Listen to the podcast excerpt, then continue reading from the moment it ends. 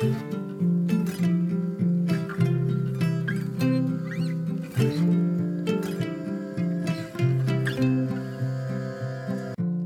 och välkommen till For Health med Anna Sparre. Nu ska vi prata om cellprover, cellförändringar och HPV. Du får lära dig allt om cellprover, kolposkopi, konisering, cellförändringar, viruset HPV som i stort sett alla bär på och hur det kan bidra till cellförändringar. Hur du kan undvika att behöva skära i din viktiga cervix och med naturliga metoder läka ut cellförändringar. Vi pratar med Disa Minör och hon berättar också om sin egen resa från svåra cellförändringar till helt frisk. Men även du som inte har cellförändringar, lyssna på avsnittet. Du får lära dig massor om din kropp. Idag fortsätter vi att prata om kvinnokroppen. Vi gör ju några stycken avsnitt med de fantastiska kvinnorna Jenny Kos, även kallad Vulverin, och Disa Minör, även kallad Wahini Wildwoman. I förra avsnittet så pratade vi med Disa om psyken, hormonerna, kroppen och fertilitetsförståelse.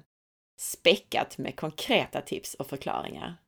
Och i kommande avsnitt så kommer vi att prata om den unika kvinnokroppen och hur den fungerar med trender som hård träning och strikt kost och veganism och så vidare med Vulverin, Jenny Kos. Hälsoföretaget Bättre Hälsa, som du hittar via vitaminer.nu, samarbetar bland annat med Biocare som utvecklar effektiva högkvalitativa produkter. De har tagit fram en unik serie för kvinnor. Kosttillskottet Female Balance innehåller flera av ämnena som vi pratar om i det här avsnittet, såsom broccoliextrakt, grönt teextrakt och kalciumdeglukarat. Du får 15% rabatt med koden ANNA15 på hela sortimentet på vitaminer.nu.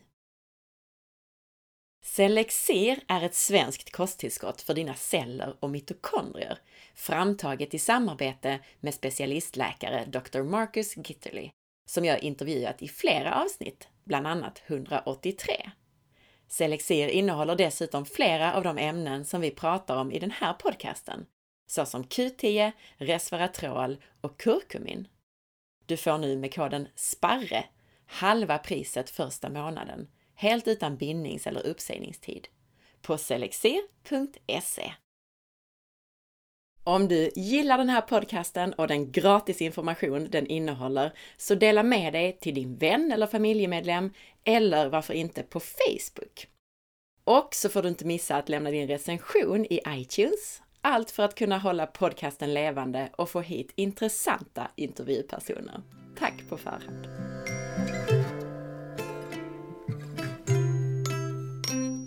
Hej Disa och välkommen tillbaka!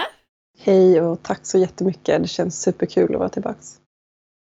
Idag ska vi prata om ett väldigt spännande ämne tycker jag och högst aktuellt för de flesta kvinnor. Det handlar ju om cellförändringar, HPV och cellprover och så vidare.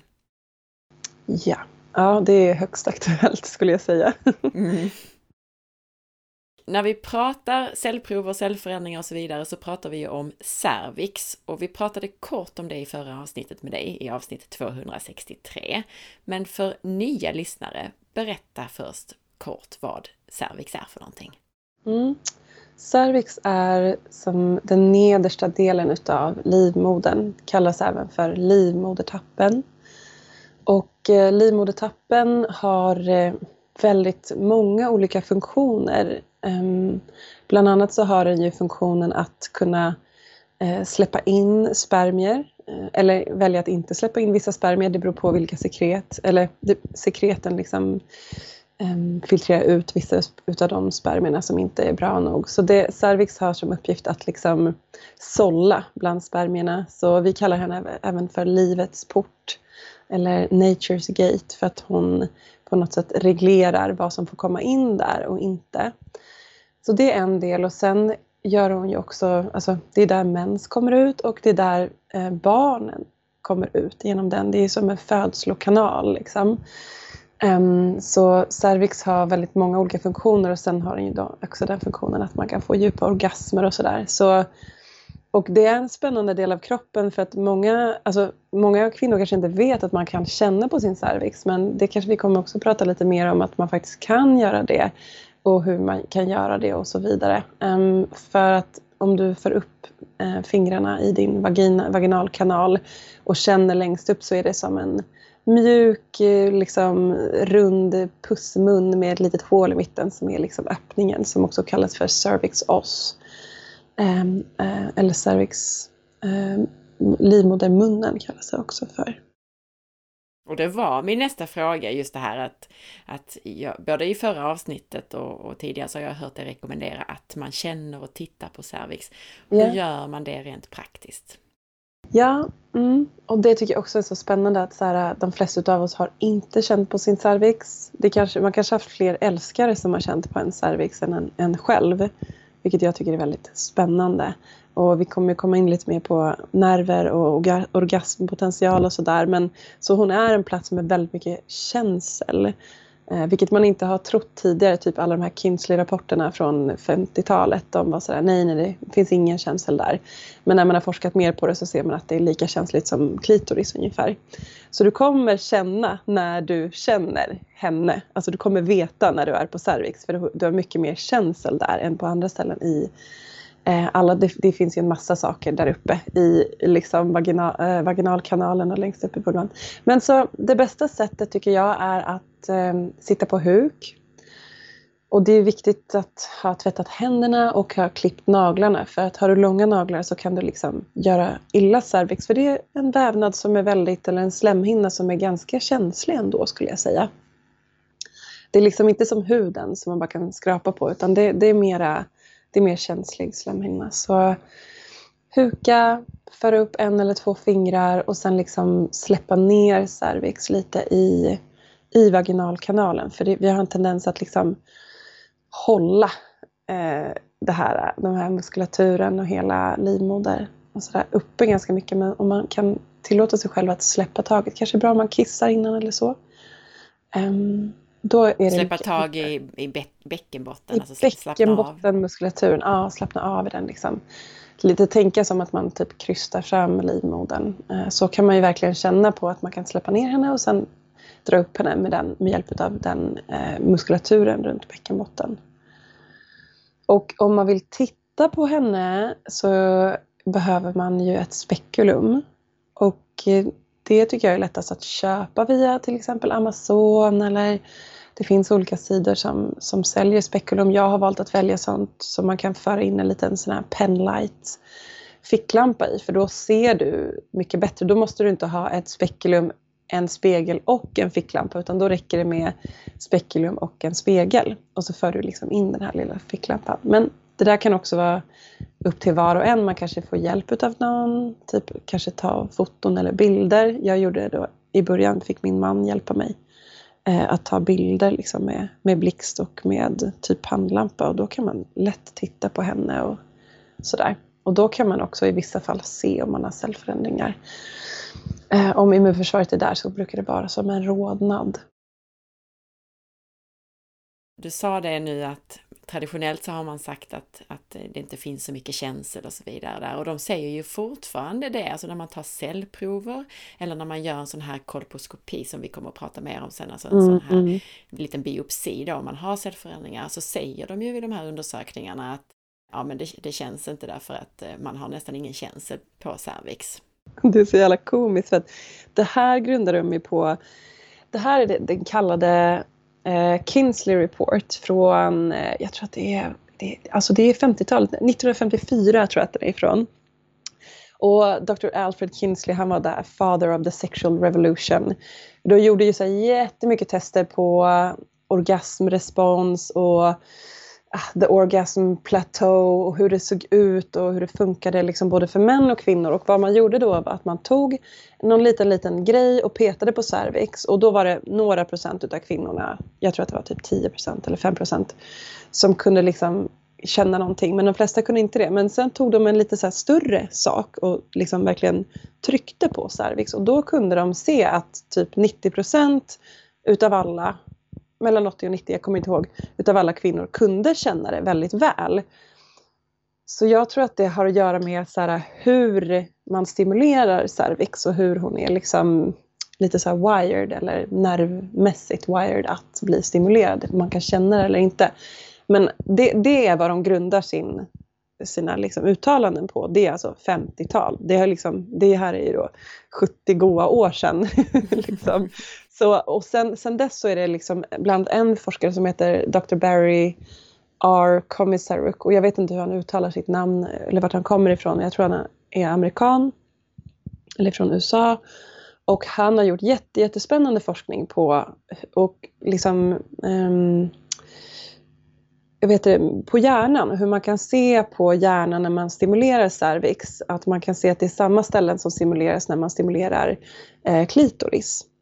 Um, så det finns ju jättemycket mer forskning sedan dess och man kan se att både vagusnerven, pudentalisnerven och hypogastric nerve, jag vet inte vad den heter på svenska, eh, går, löper igenom eh, cervix. Och det är ju jätteviktiga nerver för alltså det binder ihop en massa olika system och vagusnerven är ju den nerven som går genom hjärta, lungor, matsmältningssystem, alltså i princip alla våra vitala organ och upp till hjärnan. Så man har ju kunnat se att både cervix, äggstockar, hela livmodern och så vidare har direkt eh, kontakt med hjärnan hela tiden. Så den där 50-talsforskningen, det är det de baserar sina svar på, eller sina antaganden på, eller sina formuleringar. Och eh, där kan jag ju bara säga att det är tråkigt att de inte, att de inte uppdaterar den forskningen de använder i typ eh, alltså i läkarskolan, eller vad man ska säga. Och tilläggskommentar till det där, vi har pratat vagusnerven väldigt mycket i olika avsnitt, men det är ju den som är väldigt kopplad till det parasympatiska lugn och ro systemet eller rest Precis. and digest. Mm. Ja, så ja, och vi kommer ju prata om eh, konisering och varför det inte är bra och så vidare och då kanske man redan nu kan börja koppla, oj då, just det, alla de där nerverna och min orgasmpotential och de här nervändarna som också går till klitoris och vagina är då kopplade till cervix. Det är som att hon är liksom en central del i hela vårt underliv. Mm. Och konisering är ju att man skär i, eller alltså tar bort en liten del på livmodertappen. Precis, ja. Mm, men vi mm. kommer till det, precis. Ja. Men först då, för att lägga grunderna, vad är cellförändringar för någonting? Ja, um, cellförändringar är att för det, man kan prata om så här, celler som att de har en födsel, en mitt i livet och en död. kan man säga. De skapas och de fyller en funktion och de dör. Alltså du, du, du har ju så här hudavlagringar, de cellerna på huden dör och det blir typ torr hud som fnösas av. Och hela tiden så förnyas ju våran kropp. Ehm, och det är liksom cellförnyelse. Vad som händer när man får cellförändringar eh, är att HPV, ett virus, eh, humant papillomavirus, går in i cellen och där kommer frågan direkt upp. Varför låter dina celler viruset penetrera cellväggen? Varför är inte din cellvägg stark nog att kunna hålla viruset utanför? Varför är inte immunförsvaret där att ta hand om viruset? Eh, det är sådana frågor man kan ställa längs vägen också. Och, eh, men HPV liksom tar sig in i cellen och börjar Ehm, manipulera din cellkärna och eh, på något sätt ehm, föröka sig där inne. Och det gör att cellen inte når sin död, alltså att den genomgår atrofi, att den ska bryta ner sig själv. För att naturligt sett så har cellen att den bildas, den gör det den ska göra och sen så genomgår den ett gladeligen ett självmord för den vet att okej, okay, det här är min, nu har jag gjort det jag behöver göra vad som händer är att den här cellen tappar sin förmåga att genomgå det här äh, självmordet eller atrofin. Självmord är ett dåligt ord för det, men att den ska brytas ner i princip och förstöras och, och liksom försvinna och bana väg för nya celler. Det som händer är att det blir inte då nya celler utan de här cellerna blir kvar och det är därför så blir en abnormal tillväxt. Kan man säga. HPV i en cell leder direkt till de här cellförändringarna och varför vi får det på livmodertappen är för att det är ett väldigt eh, skört område. Det är ett område som är liksom, det kallas för the squam och columnar junction. Alltså det är en plats där eh, squamous cells, jag vet inte vad det heter på svenska heller, jag, jag har bara läst om allt det här på engelska, eh, ombildas till columnar cells, alltså en viss typ av celler ombildas till ett annat typ av mera mogna celler. Och i, den, i det transformationsområdet, the transformational zone, som är precis runt cervixöppning, så finns det en tendens till att vi är mera mm, receptiva för sjukdomar och så vidare. Och där har HPV där kan HPV då lätt eh, komma in, det här viruset. Om inte immunförsvaret är intakt, om vi inte har tillräckligt med näring som bygger upp våra celler eller håller dem intakta och så vidare.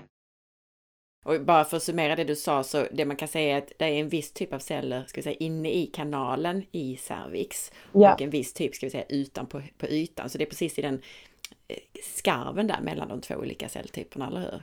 Ja, precis. Det är där vi utvecklar, eller det är där vi liksom är känsliga för eh, olika attack från mikrober, liksom olika virus eller svampar eller bakterier. Och då är HPV en av dem. Och vi ska alldeles strax prata mer om just HPV eftersom det är um, så centralt i det här. Mm. Men jag tänkte först, eh, vad finns det för tecken på cellförändringar?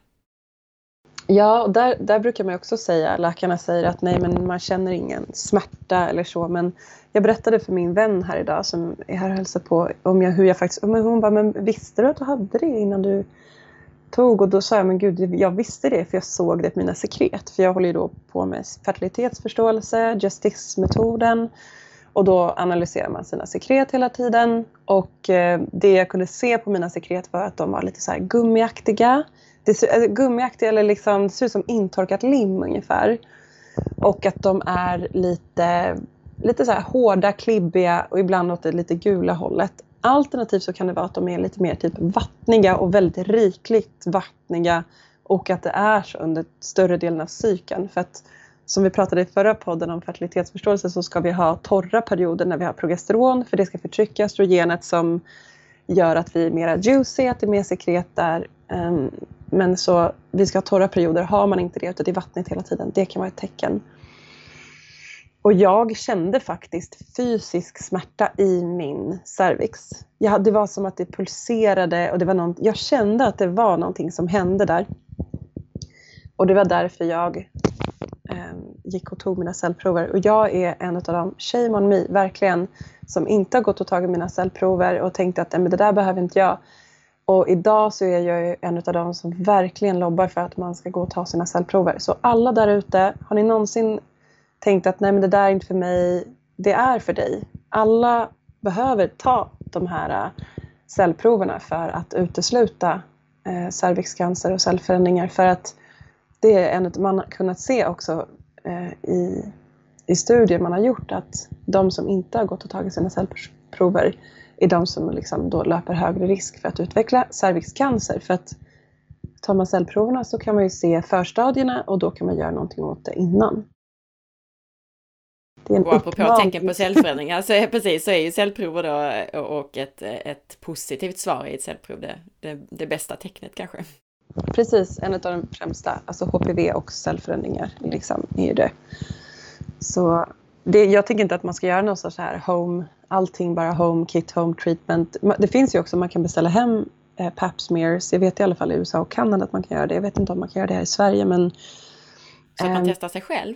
Ja, precis. Um, om man tycker att det är obehagligt. Liksom. Men då behöver du ju, du behöver inte ha ett spekulum ens för det. Utan du behöver bara, eller jag tror inte det. Det vet jag faktiskt inte riktigt. Nej men det tror, jag tror inte de brukar använda det. Alltså jag har gjort, när man gör cellprov då använder de bara någon sån här liten grej, inte ett helt spekulum tror jag. Mm, mm. Jag har för mig det. Mm. mm. Då får man upp någonting och så, så ja precis. Som en ja. liten spatel mer tror jag. Mm. Ja, ja precis. Och det, så, så, så kan man ju också göra om man inte vill gå och träffa en en barnmorska, men då får man ju oftast träffa en en barnmorska och inte en gynekolog. Och, alltså det är väldigt smärtfritt skulle jag säga. Men där handlar det också om vad jag alltid pratar om i gynstolen, samtycke med allt.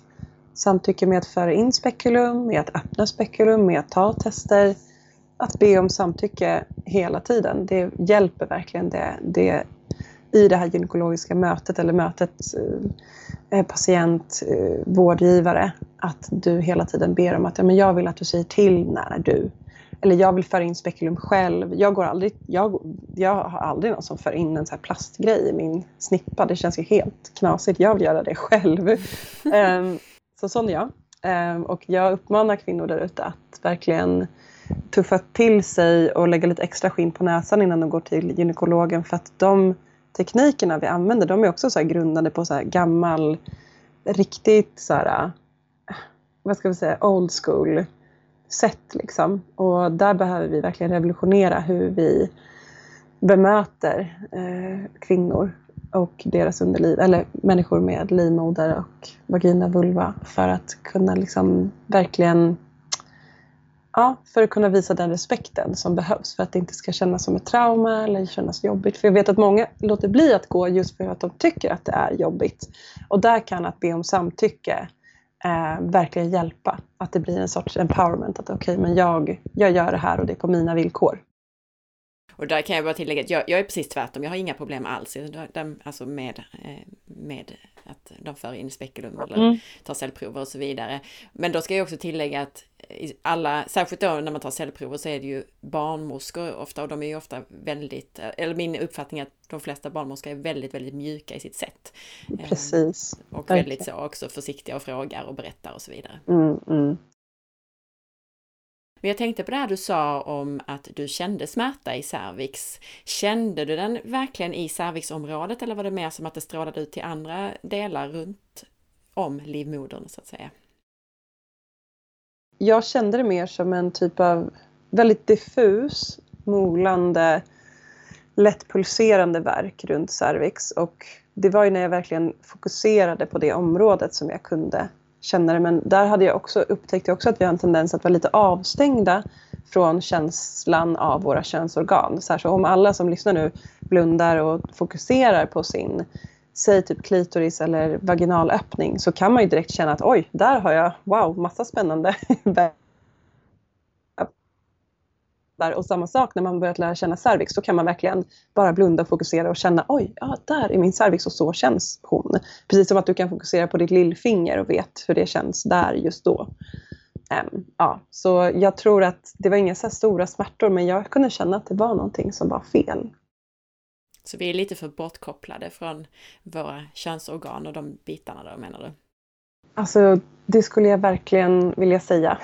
Mm. och eh, mycket av mitt arbete går ju ut på, både med mina kurser och med klienter, att så här, återkoppla till visdomen som finns där och att eh, verkligen börja känna efter och ha kontakt med och ja, fokusera på mera på känslan och känslan och förnimmelserna i det här området.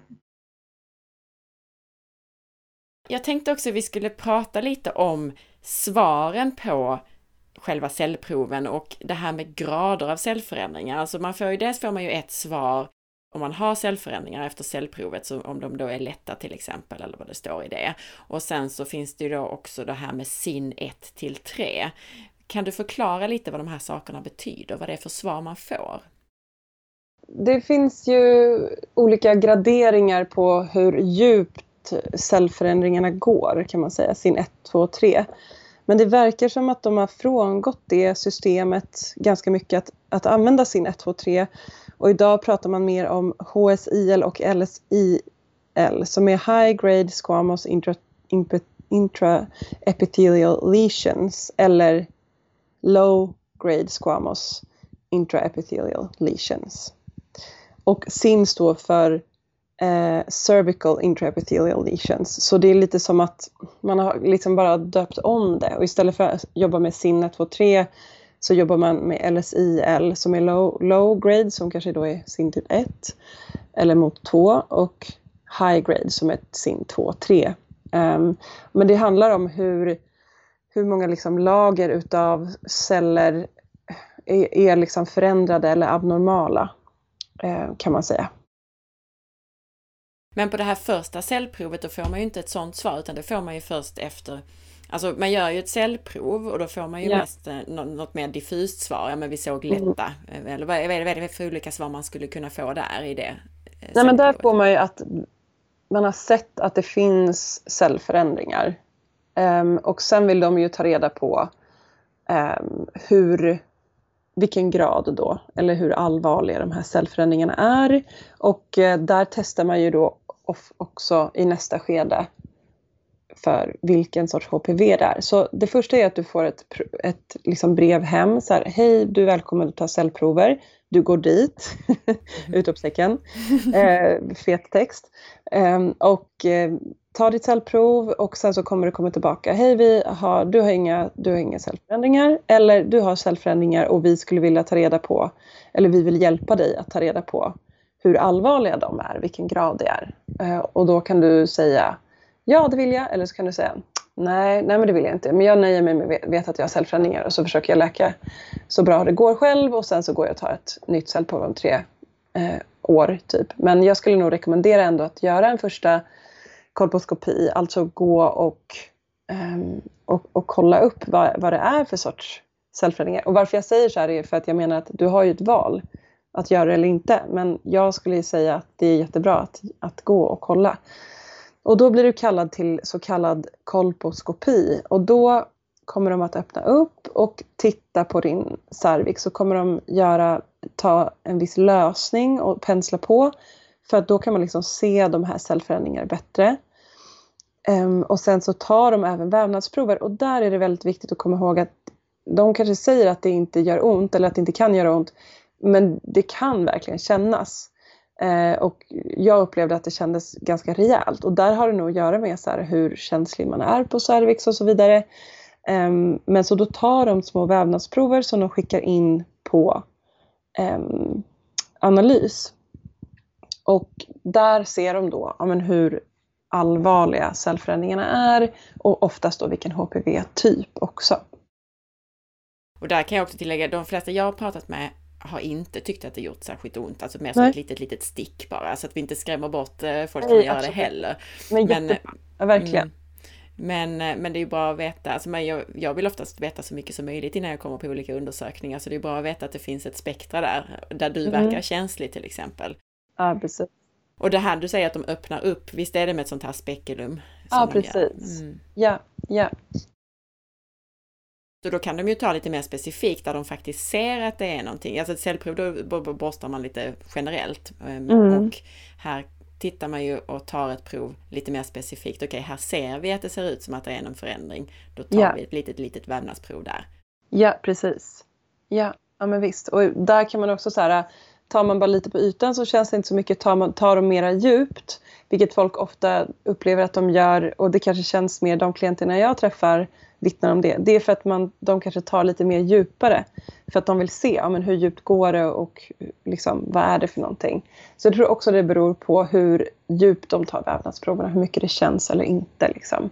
Men överlag så ska det inte göra jätteont såklart. Och det är jättebra, efteråt så sätter de ju på så saker som gör att det inte blöder och sådär. Det kanske beror på, tänker jag, Alltså de de tar djupare på, är det när det ser värre ut tror du eller är det? Ja, jag tror det. Eh, de jag träffar har ju oftast liksom svår dysplasi, HSIL och sådär. Och svår dysplasi, det betyder svåra cellförändringar? Ja, precis. Mm. Mm. Ja men vad bra, men då tror jag vi har rätt ut lite grann kring det här med vad cellförändringar faktiskt är för någonting och vad man får för svar i de här cellproverna. Och då har du ju kommit in på det här med att det är HPV som orsakar cellförändringar. Berätta lite mer om vad HPV är för någonting. Mm.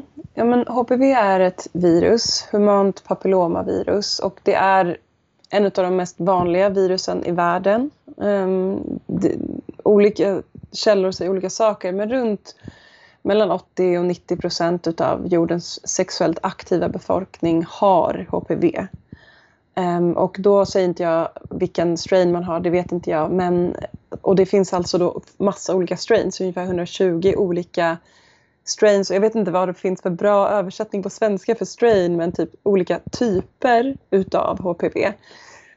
Och alla sorters HPV-typer orsakar vårtor. Så har du vårtor någonstans på kroppen, då är det ett typ av HPV-virus som ditt immunförsvar inte lyckas ta hand om utav någon anledning. Eh, och det här HPV har vissa typer utav strains då som är mera hög risk så kallade. Eh, typ, typ 18, 16, 33 och så vidare och så vidare bland annat. Um, och då är det de som då har större tendens att kunna orsaka cancer, alltså cervixcancer. Eh, med det sagt så har man också sett i olika forskningsrapporter, men en ifrån nu 2019 där man testade, jag tror att det var, det var ganska många olika sorters HPV och typ 20 olika eller någonting och specifikt hög risk eh, och såg att ungefär 80 procent utav alla, eh, nej 70, 70 procent utav alla HPV-typer läkt ut inom tre år och 90 procent läkt ut inom sju år.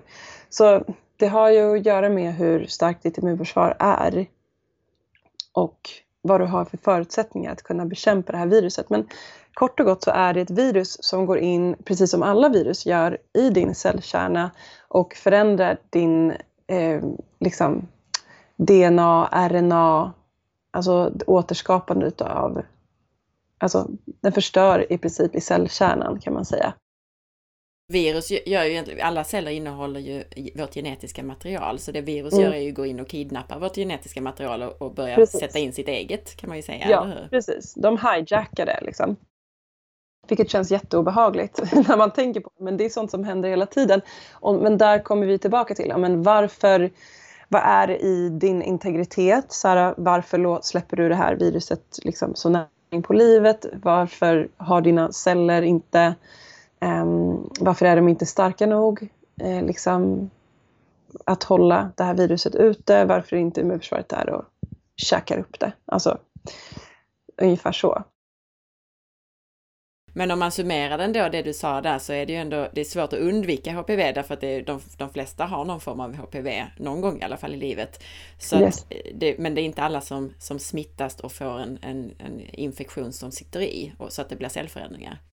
Ja, det verkar som att, det verkar som att den kan ligga latent ganska länge och liksom lite vänta på att immunförsvaret ska bli lågt och då liksom typ attackera eh, en viss vävnad då, i det här fallet då till exempel cervix. Um, så jag tror att vi kan vara bärare utav HPV utan att ha några, eller vi, är, vi kan vara bärare utav HPV utan att ha några som helst symptom. Man har hittat det i fostervatten. Det betyder alltså att kvinnor som inte um, har varit sexuellt aktiva än och män, men kvinnor då som inte ens har haft sex kan utveckla cellförändringar för att de kan födas då med ett högrisk HPV. Och HPV liksom lever på ytor. Har du varit på badhuset så du vet, det finns där på golvet. Kanske inte just de här högrisktyperna men den typen av virus är väldigt, den överlever bra också utanför kroppen. Sen smittar den också via oralsex och såklart via omslutande samlag och sex. Och via vätskor och via alla slemhinnor. Och, så, och jag säger inte det här för att skrämmas nu utan det är, så här, det är någonting som finns överallt, det är någonting som smittas hit och dit när du har sex och så vidare.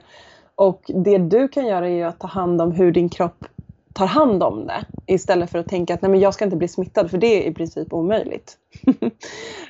um, lite så. Och där har man ju också sett att så här, ja, man vaccinerar ju med Gardasil bland annat unga kvinnor idag och det finns en svensk forskningsrapport från Karolinska där de har tittat på um, ja, men hur unga kvinnor som inte ens har eh, haft sex har kunnat utveckla cellförändringar trots att de har tagit Gardasil. Och där har man ju kunnat se att när du har tagit Gardasil eller Cervarix som är den här nya med ännu fler som skyddar mot nio olika, eller kanske kan skydda mot nio olika utav de här strains utav HPV så har man sett att de som redan har någon typ av HPV, alltså du har fått med det från början på något annat sätt, Eh, då ökar det risken att ta de här vaccinen. Så det är liksom ah, det är lite svårt att veta hur man ska göra och det det alltid kokar ner till, tycker jag, eh, är att se till att ha ett robust immunförsvar och eh, starka liksom, celler som är starka nog att kunna Eh, och det tycker jag att vi också kan fördjupa oss i, så här, ja, men hur skapar man starka celler då? Liksom, eh, för att viruset inte då ska kunna ta fäste så pass bra. Ehm, mm. Och det här med Gardasil och de här vaccinerna, det är väl också så att det är ganska mycket biverkningar och så som är inrapporterade för Precis. Här, äh, vaccinerna. Ja, det är jättemycket biverkningar och det är nog mycket biverkningar som inte rapporteras in. Um, och um, ja, sådär. Det finns bland annat en dansk film där de pratar om, det är 40 kvinnor som, unga kvinnor som går in och berättar vad som händer med dem efter de tagit Gardasil och det är, det är inte kul. Alltså det är inte alls roligt. Och jag, det, jag säger inte det här för att avskräcka någon. Jag säger bara att man ska göra sin research innan man tar något läkemedel eller vaccin eller så överhuvudtaget för att veta att det finns alltid eh, liksom, bieffekter och följder utav det. Så är det. Det, mm, liksom... det, finns för och nackdelar med det mesta så att man ska vara påläst och ta medvetna beslut, eller hur? Ja, men lite så är väl det jag försöker säga. Ja. Men jag vet också att det, i alla fall i början så fick du kritik för att man hade ju inte, alltså när man forskar på det för att godkänna det så hade man ju inte forskat så himla länge på det och det tar ju väldigt lång tid att utveckla eh, cervixcancer. Ja. Mm. Och då hade man inte forskat på det så lång tid som det i regel tar att utveckla cancer. Så det var väl också en viss del av den här kritiken som har riktats mot vaccinet. Ja, och där har man ju sett att vi har ju vaccinerat eh, vissa årskullar liksom här i Sverige utav unga kvinnor och det gör ju inte att, att eh, äh, människors cellförändringar, alltså statistiken rent statistiskt, att det har gått ner. Det har ju snarare gått upp. Äh, så där kan man ju undra, så här, jaha, men hur stor, hur viktigt är det här då? Eller liksom, vad är viktigt? Alltså, du går till ungdomsmottagningen och du säger, ja men jag är sexuellt aktiv. Då säger de, okej, okay, då ska du ta Gardasil och här har du p-piller. Men det de inte säger är att p-piller är en av de sakerna som ökar risken mest för cellförändringar och cervixcancer. Eh, så där ger man liksom så här, eh, här har du liksom typ plus minus noll fast du kommer hamna på minus. Istället för att, liksom, ja, att se att det finns andra sätt att göra det på. Att både ge vaccin och de här p-pillerna. Liksom. Andra sätt att ta hand om sin fertilitet, andra sätt att ta hand om sitt immunförsvar och virus. Eh, vilket är det jag vill liksom verkligen vill få fram och liksom jobba för att få människor att förstå att det handlar om information också. Eh, det handlar om att informera ungdomar och människor överlag om hur, hur det fungerar. Och det är det vi gör nu. Men för att kunna ta medvetna beslut. Och jag vill också bara tillägga att jag är, är varken för eller emot de här. Jag är för dåligt insatt i de här mm. vaccinerna mot HPV. Så jag är varken för eller emot. Men det känns som att man behöver lyfta den sidan som kanske inte lyfts så ofta. Så det är därför vi pratar om den. Mm. Nej men och där, där håller jag med dig. Jag är inte heller så här, jag säger inte att ingen ska ta det eller att alla ska ta det. Jag säger att vi vet inte och vi har inte sett ännu vad det har för följder. Eh, eller vad det har för fördelar eller liksom, jag, jag, jag, jag, jag tror att vi om typ 50 år eller så här, ja, längre. Då vet vi bättre. Ja, att vi kommer kunna se, okej okay, då tog vi det och då introducerades det och sen vad hände då? Och liksom, Eh, som det ser ut idag så tycker jag att vi famlar lite i mörkret när det kommer till det här. Eh, vaccin HPV. Du nämnde ju en sak här också med HPV oralt, så man kan få det både via oralsex och faktiskt också via kyssar och så vidare. Det smittas ju så himla lätt. Men alltså man testar ju inte HPV i oralt. Jag tänker det, det ökar ju faktiskt också risken för vissa andra sorters cancer. I, ja. mm. Men hur ser du på det och kan man testa det oralt? Nej, det vet jag faktiskt ingenting om. Um, och jag hör, har nästan aldrig hört om det heller, men jag vet att det är... Alltså man kan ju få vaginal cancer, cervixcancer, analcancer, man kan få cancer på penis.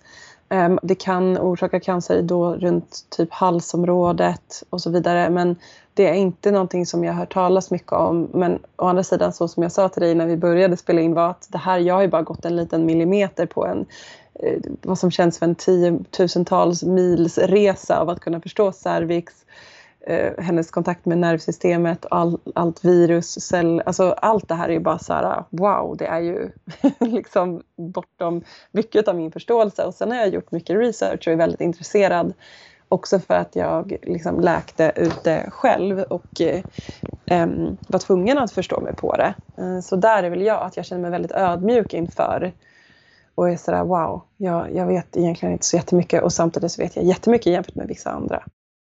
Det är ju ofta så, ju mer man lär sig ju mer inser man att man inte vet. Mm -hmm, mm -hmm. Och vi ska snart prata om din egen berättelse, men först, alltså det finns ju saker som ökar risken för att HPV ska ta fäste i kroppen. Kan mm -hmm. du mhm. berätta lite om några sådana saker?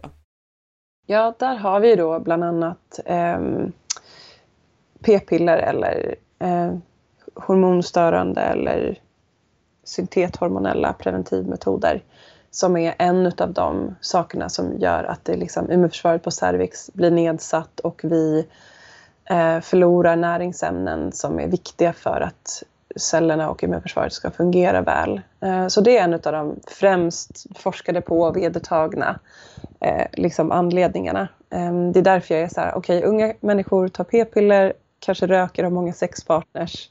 Det är liksom som bäddat för cellförändringar. Eh, så ja, efter p-piller eller syntethormonella preventivmedel så har du då rökning som en av dem som ehm, då liksom bryter ner näring och ehm, utarmar liksom våra näringsdepåer och ökar oxidativ stress och så vidare. Um, och sen många sexpartners, tidig sexualdebut, andra sexuellt överförbara infektioner som klamydia och gonorré har man också kunnat se att det bidrar. Um, ja, låg näringsstatus, uh, förtryckt immunförsvar på något sätt. Ja, det är liksom sånt som man också kan se så här co-factors som också så här ökar då riskerna. Och förtryckt immunförsvar kan man ju ha på grund av andra sjukdomar, på grund av vissa läkemedel. Genetiskt är ganska vanligt, jag kan se, alltså det är många, ganska vanligt att ha genetiskt också lite nedsatt immunförsvar. Ja. Um, och jag träffar också många utmattade klienter som när man tittar på vissa så här immunförsvarsparametrar i tarmen och så, så ligger de oftast lågt. Ja. Så allt, och det här är det som är så spännande att det är, vi kan inte, så här, vi kan inte skilja cervix från resten av kroppen så som jag tycker att de gör när de bara går in och skär. För att då är det som att då säger vi att nej, men cervix är cervix och hon har inte kontakt med något annat. Så tittar man på hela nervsystemet och alltså allting har kontakt med allt annat och därför behöver vi titta på alla de här bitarna. Hur det hör ihop för att veta hur vi då ska läka ut just cellförändringar. Och det är väl egentligen det generella problemet med vården. Alltså det finns ju många fördelar med vården, de är jätteduktiga på akutsjukvård och så vidare. Men det, det, generella problemet som jag ser det är att det är så uppdelat. Man ser aldrig till hela personen och hela kroppen utan man delar upp det väldigt mycket. Ja precis, någon typ av organfragmentering där man tänker att så här, örat inte är, egentligen har kontakt med resten av kroppen. Alltså så här, det blir, för mig blir det väldigt för mig blir det väldigt fel att tänka så på hälsa och läkning. Eh, ja, så där tycker jag att så här, det vi ser i cellförändringar, det är ju ett symptom. Cellförändringar är ju egentligen ett symptom på att det finns en obalans i det här pelvisområdet men också i hela kroppen. Innan vi pratar om din egen berättelse så tänkte jag också något som kan vara lite bra för grundförståelsen är det här hur man behandlar cellförändringar och HPV i vården. Alltså vad händer nu om man har gjort det här cellprovet, man kommer på sådana här kolposkopi och eh, så får man då svaret, ja men eh, här har du cellförändringar. Vad händer då? Alltså hur behandlar man det? Mm.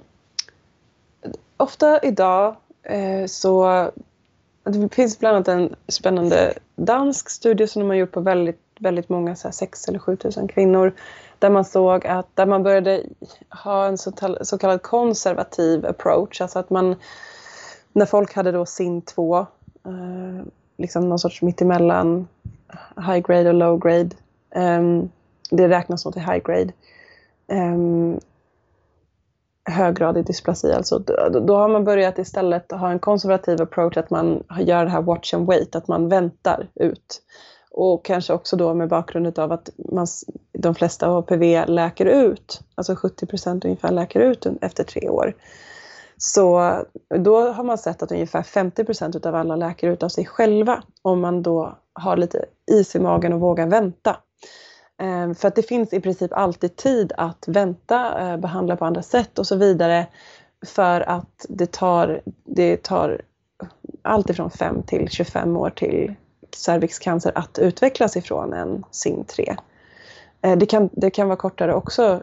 Jag har sett läst upp till två eller ner till två år men det är väldigt ovanligt. Så om man går in på Cancercentrum och, så och läser om hur lång tid det faktiskt tar då tycker jag att de här två veckorna som läkarna ger en innan man behöver operera inte riktigt så stämmer överens med. Men så det man blir erbjuden är alltså om man har sin ett eller två, det är så watch and wait. Det betyder så här, vi skickar hem dig vi säger inte åt dig att du behöver ändra din kost eller att du behöver ha mer näring eller att du behöver ändra din relation till ditt underliv eller sexpartners eller p-piller eller någonting utan vi bara skickar hem dig och hoppas att det ska läka ut av sig själv. Vilket det gör i typ 50% av fallen, 50% av fallen gör inte det. Där skulle jag tycka att det var spännande att typ forska på vad hände om man då gav tog bort p-piller och gav de här kvinnorna olika näringstillskott eller gjorde vissa livsstilsförändringar som gjorde att deras kroppar blev stärkta och celler blev stärkta och immunförsvaret funkade bättre.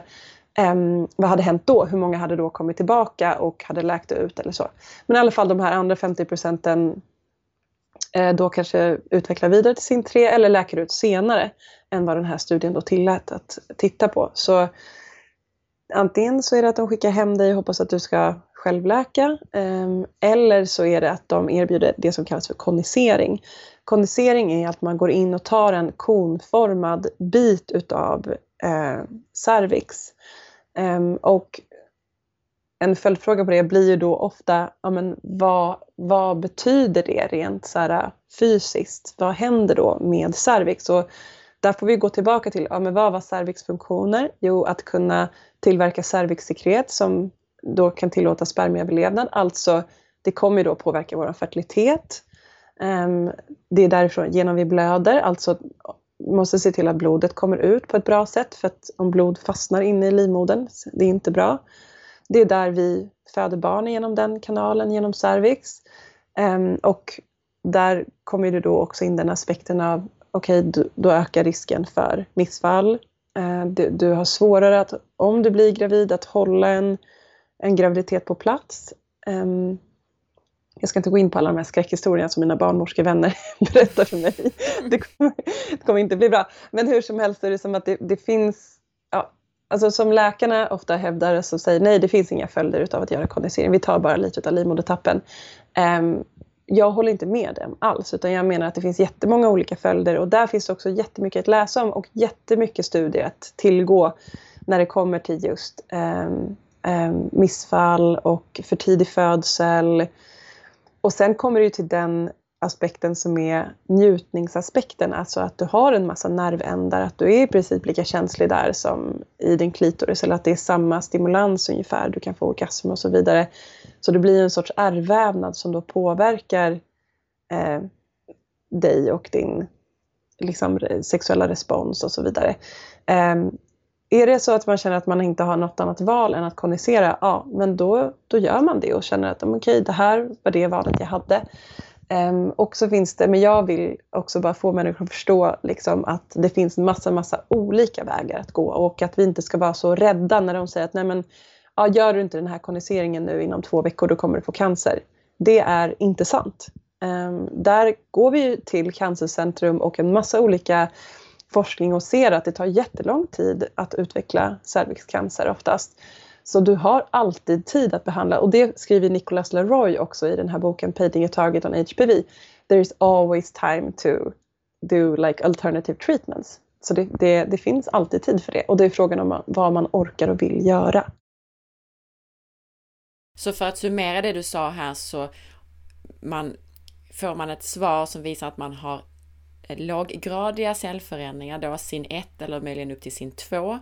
så är det ofta det här som heter watch and wait, alltså att man väntar och ser om det blir värre eller om det läker ut av sig självt. Och har man då höggradiga cellförändringar, HCIL eller då som det tidigare hette eh, sin 3, så rekommenderar de då att man går in och skär med sånt här som heter konisering, så att man skär bort det. Ja. En sak där som man då kan relatera till också, att med tanke på att cellförändringar då beror på HPV, är det så att man skär bort HPV-infektionen också? Um, alltså, det gör man ju delvis, men sen tror jag att HPV finns på andra ställen i kroppen och vad också Nicholas Leroy i den här boken Painting a Target on HPV verkligen pekar på är att det, vad man gör då är att man exponerar ju djupare lager utav vävnad för HPV. För att HPV, han menar på att man inte så lätt bara får bort HPV genom att skära bort lite utan att det finns i, det finns i kroppen, i annan vävnad, i blodomloppet och så vidare. Och just det, ja, för HPV infekterar ju faktiskt de här djupare lagren först. Eh, så att det är precis, med tanke på det du sa att det är en risk då att man har varit och skurit så att man exponerar de här djupare lagren. För att eh, jag har också läst på det och läst ja. av eh, den här Dr. Nicholas Leroy att det infekterar, ska vi säga, djupare lager och sen så mm. mognar det här HPV-viruset ut och kommer då upp till de här ytcellerna. Ja. Så där är ju frågan också så här, och det jag också möter väldigt mycket och hör Eh, när jag läser och när jag pratar med kvinnor är att, eh, att man ofta behöver konisera igen. Att man har gjort en eller två koniseringar och kanske en tredje och sen är det hysterektomi, vilket är att man tar bort delar eller hela livmodern. Och det, det vill man inte behöva vara med om när man är 30-40 års åldern. Eh, och där har jag ju vissa klienter som, jag träffade en kvinna här om sistens, jag sålde henne en så här ångpall som sa det, alltså du, du fattar inte, du har räddat mitt liv. Du har räddat mitt liv, ja, nu tänker jag ha ett till barn. Hade jag gjort så som vården ville då hade inte jag haft någon livmoder kvar och nu har jag en intakt cervix. Jag har ett, ja du vet så här, hon var bara så här, jag trodde hon skulle kyssa mina fötter men vi, det, hon gav mig bara en lång kram typ. Men så är det. Alltså, hon, för henne hade de sagt att nej, vi, det nästa steg är bara att ta ut hela din livmoder, vi måste göra det. Och sen fick hon hjälp på annat håll och har nu en helt frisk cervix och vill bli gravid. Um, men vad är nackdelarna med att inte ha en livmoder förutom att man, om man, då, om man inte vill ha fler barn? Ja, och där har du återigen alla de här nervvägarna som går igenom livmodern och äggstockarna är ju där vi tillverkar våra könshormoner. Eh, när du bara plockar bort ett organ så kommer ju de andra organen att falla in i det hålrummet så det kommer göra att du kanske får problem på en massa andra håll i det här området. Eh, och de funktionerna som livmoder, cervix, äggstockar och så vidare har, alltså, jag tror att de är inte ens kända för oss. Alltså så här, att alla organ har så pass mycket mer funktioner än vad vi tror och att alla är sammankopplade på olika sätt som i ett nätverk som, som är liksom så pass avancerat att inte ens den moderna liksom, vården och forskningen förstår sig på det. Jag tänkte på det här, nu har vi berört konisering, men jag har hört att det finns andra sätt, åtminstone i USA, att man använder någonting som kallas för LEEP, L-E-E-P, ja. som de då skiljer från konisering. Och jag har också hört, i alla fall förr, att man i Sverige ibland frös bort, har mm. för mig. Mm. Ja.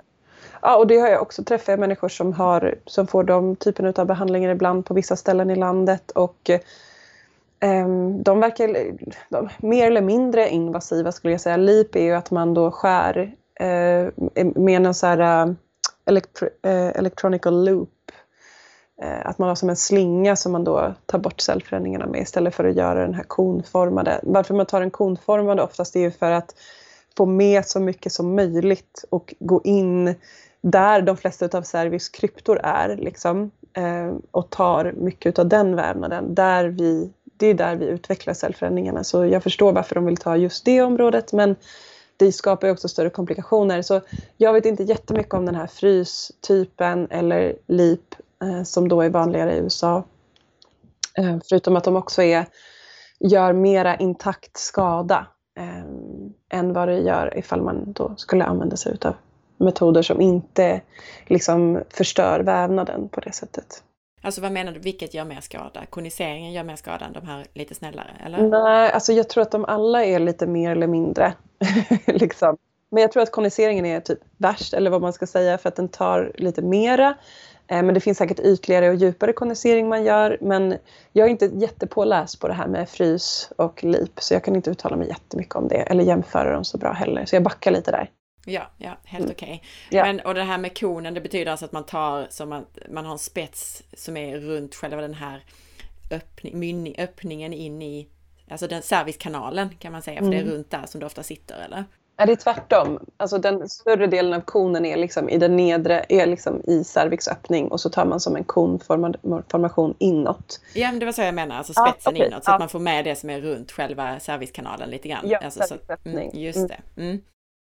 Men för att summera det är ju som att ja, då tar vi bort symptomet återigen, men vi dealar inte med varför du utvecklar cellförändringar i första taget. Nej, precis.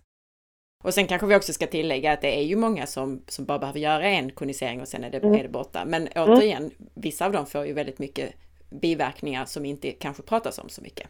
Precis. Vi ska prata mer om faktan och så här kring det här, men jag vill ju gärna att du berättar din egen berättelse kring det här med cellförändringar. Mm.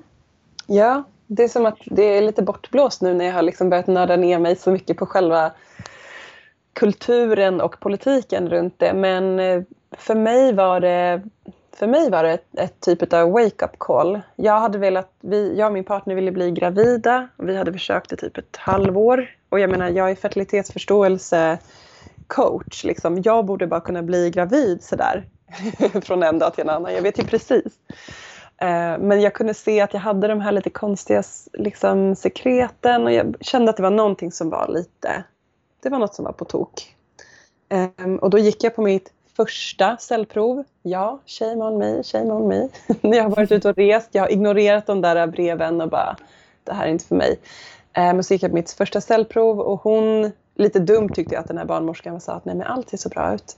Gud vad fint det ser ut. Och jag gick därifrån att ja, gud, jag som är fertilitetsförståelsecoach, jag kan inte ha något problem med mitt underliv, ja det är lugnt. Um, intalade jag mig själv och sen fick jag reda på med, via brev att jag hade någon sorts cellförändringar och de bad mig att komma på kolposkopi. Och den, den upplevelsen för mig var väldigt traumatisk för han var väldigt känslokall, den gynekologen. Och jag var väldigt känslig kände jag och liksom grät och tyckte att det var jobbigt och det gjorde ont och liksom, det, var, det fanns ingen medkänsla där. Liksom. Um, och sen när han sa att ja, men vi vill operera om två veckor och jag bara nej men det, det är inte ett alternativ för mig. Då skrattade han åt mig och sa ah, då, är, då är nästa typ cancer. Typ lycka till, lite så.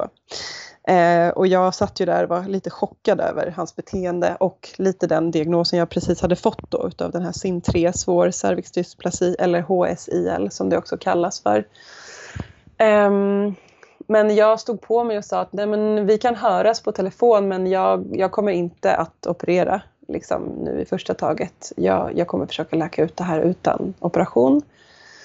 Och det tyckte han var jättejobbigt såklart för han blir ju rädd för att hans då patient ska utveckla cancer och att han kommer få någon sorts, liksom, ja, det kommer påverka honom negativt på något sätt och att han inte han menar på att det finns ingen forskning som stödjer att man ska kunna läka ut naturligt och nu kan jag vara så här, gud är han blind?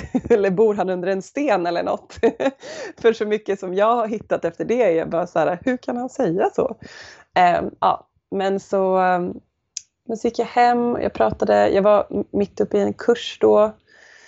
En typ av yogisk väg jag går och eh, det var jättebra att vara omgiven av vänner och liksom en lärare där och sen så ringde jag upp min, min rektor i Kanada, Geraldine Mattis, som har skrivit flera böcker om fertilitetsförståelse och, och hormonell hälsa och ja, hon lyssnade på mig och sa att Nej, men det, här är, det här är ingen fara. Det här kommer du läka ut. Ehm, det är bara att göra så och så och så och du vet så här. Det kommer gå så bra. så det var liksom något helt annat hon sa än vad de sa. Ehm, och någonstans där var jag där i mitten och undrade, oj, jaha, okej, hur kan de säga så olika? Um, och sen som tredje då, support, så gick jag till min um, naturläkare. Som är en helt underbar kvinna som i princip sa oh wow, cellförändringar eller förstadiet till cancer, grattis! Nu, här, har du, här har du bra liksom, självutveckling och det här, det här kommer gå jättebra, det här är jättespännande typ. ja. Oj, ja. Så, och nu i, i efterhand så kan jag ju se att det var verkligen en, det var en, en typ utav välsignelse eller det var någonting väldigt positivt som kom utifrån det kan jag känna. På många sätt. Men ja, så då hjälpte hon mig med olika tillskott och vitaminer och mineraler och sådär. Och sen så satte jag igång och behandla mig själv eh, på olika sätt. Då med, bland annat med snippsauna eller så här vaginal ångning, olika örter, olika kosttillskott, eh, vagitorier och var så här, äh, jag är oxe och jag är jävligt envis. Jag var så här, jag ska läka ut det här, jag ska bevisa att det går och jag I'm just gonna do this. Jag ska bara viga mitt liv nu åt att bevisa för mig själv och världen runt omkring mig att, att det går att läka ut det här. Och jag ska liksom jag skulle vilja gå upp till den här äh, gyn som jag träffade där och säga att hör du, det funkar faktiskt men jag, jag har inte fått tillfället att göra det. Och det är som att jag vet inte om han skulle lyssna ändå. Han skulle bara säga, ah, nej, men det var, det var typ, det råkade bli så eller det var en slump. Men jag vet att det inte är en slump. Um, ja, så jag jobbade ganska hårt på att göra research. Jag skrev mitt slutarbete på Justice International College om eh, cellförändringar och invasiva versus holistiska metoder för läkning kontaktade en massa olika människor som jag vet, eller hörde då, eller researchade fram hade läkt naturligt och frågade vad de hade gjort. Och sådär, är jättesugen på att sammanställa någonting, typ en bok eller någonting så småningom utav de här olika resorna som människor har gjort. För att det jag har förstått senare är att människor har gjort väldigt olika resor för att läka och där har vi det igen.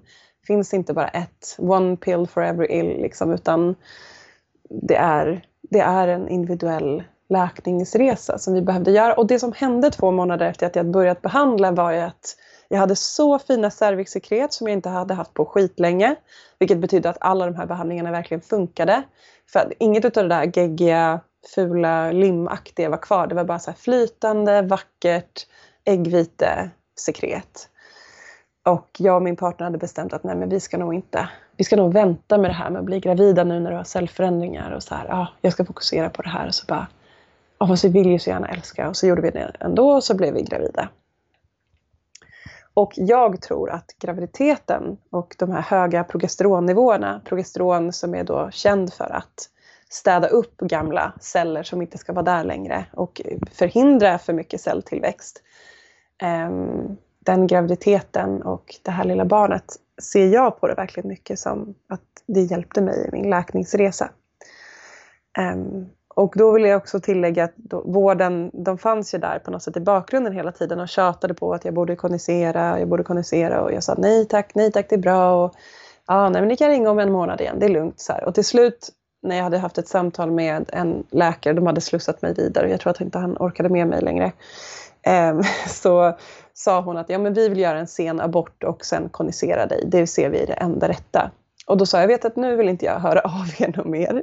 Jag litar på att ni kan er grej men jag måste få lita på mitt eget omdöme. Jag tar fullt ansvar för min hälsa och får jag, får jag cancer då, då får jag dela med det själv. Så det, det slutade med att jag, jag liksom avsa mig kontakten och sa att jag vill ha ett nummer jag kan ringa när jag är redo att göra nästa kolposkopi eh, under graviditeten. Eh, ja. Så då skickade de mig vidare till Karolinska och när jag var fem månader in i min graviditet då kände jag nej, men nu, nu är jag redo att göra en konisering och kolla hur det ser ut. Om jag har kolposkopi menar du? Kolposkopi, förlåt. Ja, kolposkopi. Um, så då åkte vi upp till Karolinska um, och fick träffa en överläkare och hon forskar också på cellförändringar. Um, och det var ett väldigt, väldigt det var ett väldigt speciellt möte. Hon var väldigt tillmötesgående, allt det jag hade bett om. Så jag vill ha med ett vittne, jag vill föra in spekulum själv, jag vill, jag vill ha samtycke i allt, bla bla bla. Hon var helt med på det. Hon tyckte att det var, hon, hon bara uppmuntrade det. Det var verkligen, um, verkligen underbar kvinna. Och uh, ja, hon öppnade upp spekulum och kollade och la på penslade vätskor och sa Jaha, men vadå, var det sin 3 du hade haft? Eller jag måste gå och kolla och så kollade hon i sina anteckningar. Ja, det här står ju tydligt att det här var sin 3. Och, ja, nej, jag ser ju ingenting här. Och jag var så här, va? Okej, okay, det har ju bara gått sju månader, hur är det här möjligt? Och eh, de tog lite vävnadsprover och jag sa det, hur, hur, många, hur många procent kan du säga att det här, liksom, att du inte ser någonting eller att det är utläkt? Hon bara, men jag kan säga till ganska stor procent att det absolut inte har blivit cancer och det ser ut som att du har läkt väldigt bra. Jag kan inte se. Jag visste, hon visste inte ens vart hon skulle ta proverna. Eh, för att hon inte kunde se någonting. Um, och proverna kom då tillbaka, inget HPV, inga cellförändringar. Och det här är då sju månader efter att jag fick veta att jag hade SIN3, svår dysplasi, HSIL.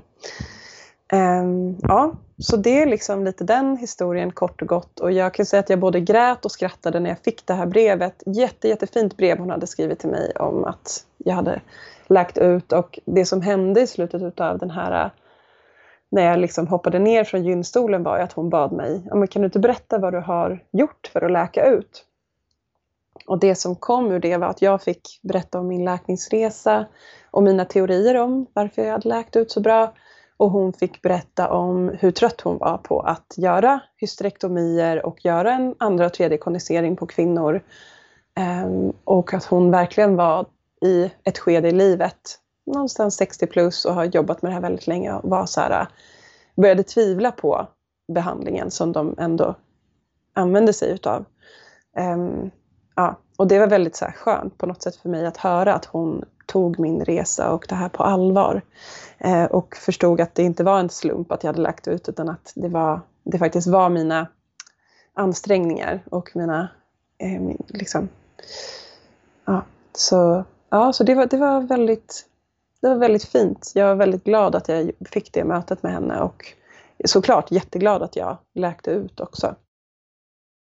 Då kan man ju också bara betona den här skillnaden, för du har ju beskrivit lite av de sämre mötena i vården, men det finns mm. ju väldigt många fina möten i vården också. Mm. Så mycket. Och jag menar, de vårdpersonal har ju valt det yrket för att de tycker om att ta hand om andra människor. Och tycker om att hålla på med omvårdnad. Så jag är ju också så här, ja, det, man kan verkligen ha så fina möten. Jag upplevde att min, mina möten blir bättre när jag är lite påläst, jag vet vad jag vill och jag är i den här samtyckesgrejen. För då blir det som att man möts människa till människa. Um, ja, och det är min erfarenhet utav hur jag tycker att det har funkat bra för mig. Mm. Och jag har såklart massor med följdfrågor om din resa och vad du gjorde. Och mm. trots att du säger att det är väldigt olika från person till person. Du sa så när jag, när jag hade börjat behandla och att du behandlade i sju månader. Du nämnde att du tog tillskott, du gjorde det här som du kallar för snippsauna som vi kan gå in på sen. Mm. Örter och vagitorier, alltså att man gör eh, saker som man för upp i, i, i slidan upp mot cervix så att säga. Mm. Men vilka tillskott var det du tog? Mm. Och där vill jag också bara börja med att säga att det, det där jobbar du säkert också mycket med en podd. Det är att så här, om jag säger nu, jag tog det här och det här och det här, så tänker jag inte säga för mycket och jag tänker inte säga liksom för mycket. För det känns som att folk då tänker att de kan basera hela sin läkning på det här avsnittet och jag tycker inte det. Jag tycker man ska gå till en naturläkare, kanske någon som dig, till exempel Anna, någon som håller på med funktionsmedicin eh, och verkligen få en så här, djupgående kontroll utav vart i kroppen är det, det finns obalans. För att istället för att bara dra iväg och köpa en massa kosttillskott så behöver man veta vilka tillskott som gör vad och vad behöver de tas tillsammans med. För de är också antagonister. Eh, ofta att de liksom kan förtrycka varandra eller förhöja varandra. Och så. Ja, med det sagt så är en av ursäkta, de viktigaste eh, tillskotten att ta är folat. Och då pratar jag inte om folsyra utan om metylerad folat. Eh, MTHF5 tror jag att den kallas för. Eh, och varför man vill ha en metylerad form är för att det är lättare för kroppen att ta upp den. Ehm, och när man höjer liksom intaget av folat så behöver man också ta mera B 12. Ehm, bland annat. Och jag kan faktiskt inte redogöra exakt varför, men det vet jag också har läst på väldigt många olika ställen och de liksom hör samman och ofta när man tittar i de här olika forskningsrapporterna på olika brister då som kom, uppkommer i samband med eller som finns som grund till att man utvecklar cellförändringar så ser man att B12 och folat är två utav de främsta. Så B12 och folat, ehm, A-vitamin och där har du ju då betakarotener men så har du också A-vitamin ifrån andra källor som typ fiskleverolja och så vidare. Ehm, D-vitamin behöver vi alltid här i Sverige och sen hur man doserar det eller hur mycket det är lite från person till person och ja, där finns det massa olika teorier om hur man ska dosera och så. Ehm, men jag tog också tillskott på E-vitamin under en period. Jag ehm, tog också en, en omega-3 C-vitamin, liposomalt C-vitamin, ganska stora doser och där har du ju eh, antioxidanterna. Och för att vad HPV också gör är att de ökar fria radikaler. Eh, så du behöver mer antioxidanter för att ta hand om det.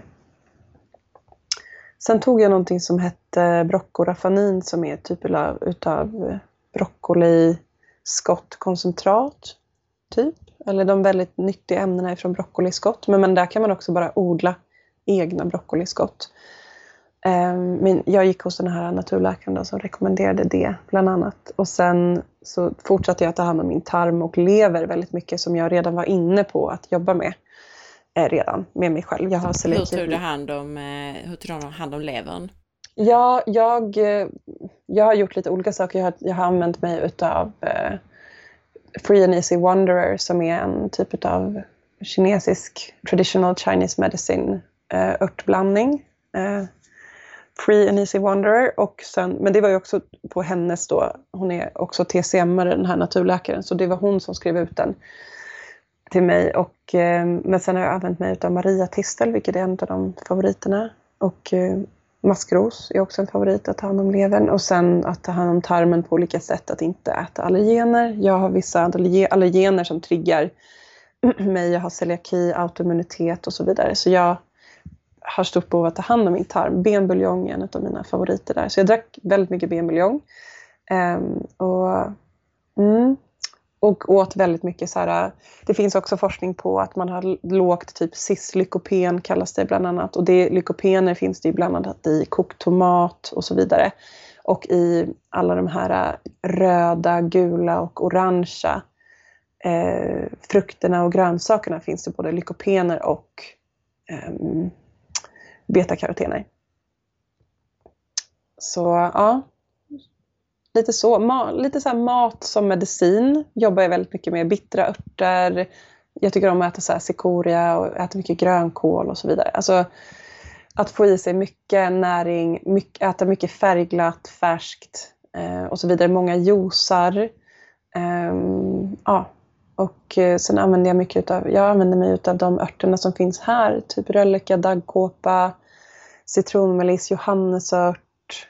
Eh, ja, de som fanns i min trädgård och de som fanns runt omkring. Så, och kosttillskott är ju inte billigt så därför brukar jag tycka att det är bättre att gå till kosten och det är därför jag pratar mycket om det i min föreläsning. Så bara, men ät lever för det innehåller skitmycket folat, det innehåller jättemycket B12. Eh, och ät mycket färgglada grönsaker och frukter med din dina typ bra animaliska produkter, då har du liksom jättemycket näring där. Men ibland behöver man kanske lite extra folat då, till exempel. Um, mm. Och just folat är ju en sån sak, alltså det är, det är ju många rent genetiskt som är lite dåliga då på, på metylera och så vidare. Ja. Och då är ju folat är ju en väldigt viktig del av metyleringen och metyleringen i sin tur kan då påverka cellernas funktion mm. och eh, hur vi utvecklar cancer och sådana här saker. Så det är ju det som gör då folatbrist så farlig och att folat då kan vara så effektivt. Precis, precis. Så Ja, så om det är någon som frågar om det bara är en enda grej så är det alltid folat. Mm. eh, och där är så här, hur får vi i oss folat? Jo men folat finns ju i färska, så fort du bryter en, liksom, den här äh, grönkålen från plantan så börjar folat brytas ner i princip i den. Så ju mer, jag säger inte att man ska äta rå grönkål men jag säger ju mer färska grönsaker det är och ju mera liksom, eh, ja, ju mer färska de är och ju mindre tillagade desto mer folat är det i. Och så finns det vissa saker som har väldigt hög koncentration på folat. Till exempel lever. Mm. Och där i lever har du dessutom då de här andra B-vitaminerna som är så ja. viktiga. Du sa till exempel att man behöver B12 om man tar folat. Jag tror också att B2 är en sån som är rätt bra att ta tillsammans. Så att ja. Eh, då kan man ju till exempel använda sig av ett B-komplex i så fall. Men Absolut. precis som du sa, jag, jag rekommenderar att man testar, man kan ju testa sin genetik för det här, men också mm. framförallt att man testar hur ser det ut här och nu. Mm. Så att man vet lite grann mer vad man behöver för tillskott. Och E-vitamin också, nämnde du ju där, är också en antioxidant. Alltså alla sorters ja. antioxidanter är ju, är ju viktiga då för att förebygga cancer så att säga. Mm. Precis, ja men precis. Och, så jag hade ju jättebra stöd och jag hade inte råd. Jag var mitt i mina, eller slutade mina studier, jag kunde inte jobba så mycket för jag pluggade på Justice College och jag hade inte råd att köpa de här äh, kosttillskotten. Jag räknade ut att jag behövde typ 10 000 men jag gjorde en fundraise i mitt community. Jag skrev ett brev så här, hej, jag vet att ni är rädda men jag är inte det, kan ni hjälpa mig? Och jag hade massa vänner och familj som, eh, som hjälpte mig ekonomiskt. Så jag fick ihop 10 000 på en vecka ungefär. Så där tycker jag att det är också en viktig del i det här att så här, äh, be om hjälp och ifall människor runt omkring en har, är rädda och har svårt att tänka att man kan läka ut det här och att det kommer gå bra, ja, men då, då behöver man be dem att så här, ja, men ta hand om din rädsla, gör din research och så vidare. Och det man behöver själv är ju eh, stöd. Och liksom någon sorts här positiv, positiv någon sorts peptalk och inte för mycket utav det här, åh nej, men du borde inte. Utan så har man tagit beslutet att man vill pröva att läka själv så får man också be sin omvärld om hjälp och stöd på olika sätt. Men andra kanske inte behöver det ekonomiskt stöd. Jag behövde det just då. Ehm, men sen hade jag också stöd i form av vänner som ja, kontaktade mig och sa att ja, men wow, vad grym du som gör det här. Men jag hade också vänner som var så här, alltså du är helt knäpp, varför? varför liksom? Ehm, men det har ju att göra med att vi inte har någon kunskap. Alltså vi har så ytlig eller så lite kunskap om det här. Och ju mer jag läste desto mer blev jag övertygad om att men herregud, det här har ju att göra med att jag har näringsbrist. och att mitt försvar inte funkar på topp. Och att jag spenderade hela mina tonår med att käka p-piller, ligga runt och röka. liksom. Jag hade bäddat för det här sedan jag var typ 13. Um, så det kan man också titta på att det här utvecklas inte bara över natten utan det här är någonting som vi utvecklar under lång tid. Jag kom på också, du nämnde det här med broccoli och broccoliextrakt och så vidare. Både mm. broccoliextrakt och det här ämnet som kallas för DIM som finns i broccoli. Mm. Det som det kan göra är ju att det kan modifiera lite grann kring alltså östrogenmetaboliter. Olika, det finns ju sämre östrogenmetaboliter som om man ansamlar dem så ökar de risken för cancer till exempel. Och då, eh, då brukar man eh, bland annat av den anledningen använda sig av broccoliextrakt. Precis, och där har du också det vi pratade om i förra avsnittet, det här med eh, liksom levern och leverns roll i relation till hormonerna. Eh, så DIM eller I3C var ju också någonting som jag varit då rekommenderad att ta och det finns det också studier på att det funkar jättebra och det har ju att göra med att man, man, man hjälper eleverna att ta hand om de här äh, dåliga östrogenmetaboliterna som då påverkar celltillväxt på ett negativt sätt. Alltså det är, bara, det är så informerat jag kan prata om det för jag vet inte så mycket mer än så. Nej, och det finns ju massa andra sådana ämnen. Alltså den här då, Dr. Nicholas Leroy, han skriver ju också om en massa häftiga studier på mm. just cellförändringar. Och då skriver han ju bland annat om grönt teextrakt. Ja. Eh, han skriver om eh, kurkumin, alltså det här ämnet i gurkmeja. Ja, det tog jag också faktiskt. Mm. Ja, ja. Och eh, resveratrol, det här ämnet som finns i skalet på, på röda druvor, eh, som man också kan ta som tillskott. Skriver han också om, det finns studier på det också, precis. Q10 tror jag också, koenzym Q10 va? Absolut, ja. Mm. Ja, och där på kurkumin så fanns det ganska mycket spännande in vitro-studier. Alltså att man har tagit, inte, gjort det inte på människor utan på celler, liksom kan, cell, cancerceller har man testat kurkumin och där har man fått jättehäftiga resultat. Så det är någonting som jag, skulle jag behandla cellförändringar nu, då skulle jag nog lägga till det i mina vagitorier också, kurkumin. Eh, men jag tog det som en kurkumin meriva finns det något tillskott som heter från Thorn som är som en typ av väldigt aktiverad form av kurkumin. Och jag tänkte också i förra avsnittet så nämnde du det här ämnet som heter, jag tror det var i förra avsnittet, eller så är det någon annan gång jag hört dig nämna det, det här som heter betaglukuronidas som är ett sånt här ämne som kan eh, återuppta östrogenmetaboliter och så vidare. Mm. Eh, där finns ju också tillskott man kan använda mot det, sånt här ja. kalcium, D-glukarat och så. Just det, just det. Mm. Men det beror lite grann, återigen, det är från person till person lite grann hur bra man är på att bryta ner östrogener till exempel. Ja, precis. Och man kan också testa sig för kalcium, eh, eller förlåt, för betaglukuronidas i olika avföringstester. Så. Mm. Mm. Mm. Spännande. Ja, men så det är det jag menar. Att det, och där finns det så här, jag startade den här... Eh, jag, jag längtade ju jättemycket efter att prata med andra som var på samma resa som mig. Så det slutade med att jag startade den här Facebookgruppen Cellförändringar läka naturligt cellförändringar streck läka naturligt. Um, som har typ 400 medlemmar eller sånt där idag. Jag får alltid smsar. Hej, jag har bett om att bli insläppt och det har gått två veckor. Jag bara oj då, oj då, oj då. För att jag är småbarnsförälder och är på semester nu. Eh, men, men så den gruppen, där pratar ju folk om typ L-lysin och jag vet inte exakt jättemycket om det. Det kanske du vet mer om, men det är någonting som vissa har tagit och um, ja, olika saker som då stärker immunförsvaret. Um, ja ja, just lysin, alltså det, det, det som finns där om man tittar rent studiemässigt och så, det finns lite studier på att det kan vara effektivt för att dämpa herpes. Herpes är ju mer av ett kroniskt virus som, som man i regel inte läker ut, men att då använder man lysin. Sen det här att man använt det mot HPV, jag tror inte det finns studier på det, men Nej. däremot så då eh, olika personers egna erfarenhet. Ja, Precis, så på den sidan så är det som att människor bara delar och det var det jag ville med den gruppen också, var att man ska dela alla, alltså det här för alla sån individuell väg de har gått och så delar människor vad de har gjort för olika saker och det är så fint att läsa om och det är som en stödgrupp för dig som har valt att gå den vägen. Jättefint ju att kunna bolla, eh, bolla erfarenheter och orosmoment och sådana här saker. Mm. Ja, det känns så. Det känns superfint. Jag är jätteglad för att den gruppen finns, även om jag själv inte har cellförändringar längre. Du nämner ju här också då alltså att du hade vagitorier. Mm. Berätta lite vad det är och hur ja. man gör det och vad man har i, eller vad du hade i. Alltså det här var en så spännande resa för att det finns någonting som i USA som kallas för the VAG pack, the vaginal depletion pack, som då Geraldine var så här, yeah you just order the vaginal depletion pack. Och jag bara okej, okay. it's all called the VAG pack. I'm like okej. Okay. Här sitter jag borta i lilla Sverige och googlar på the vaginal depletion pack och inser att det finns inget sånt att beställa här. Eh, det finns inte att beställa i USA längre heller.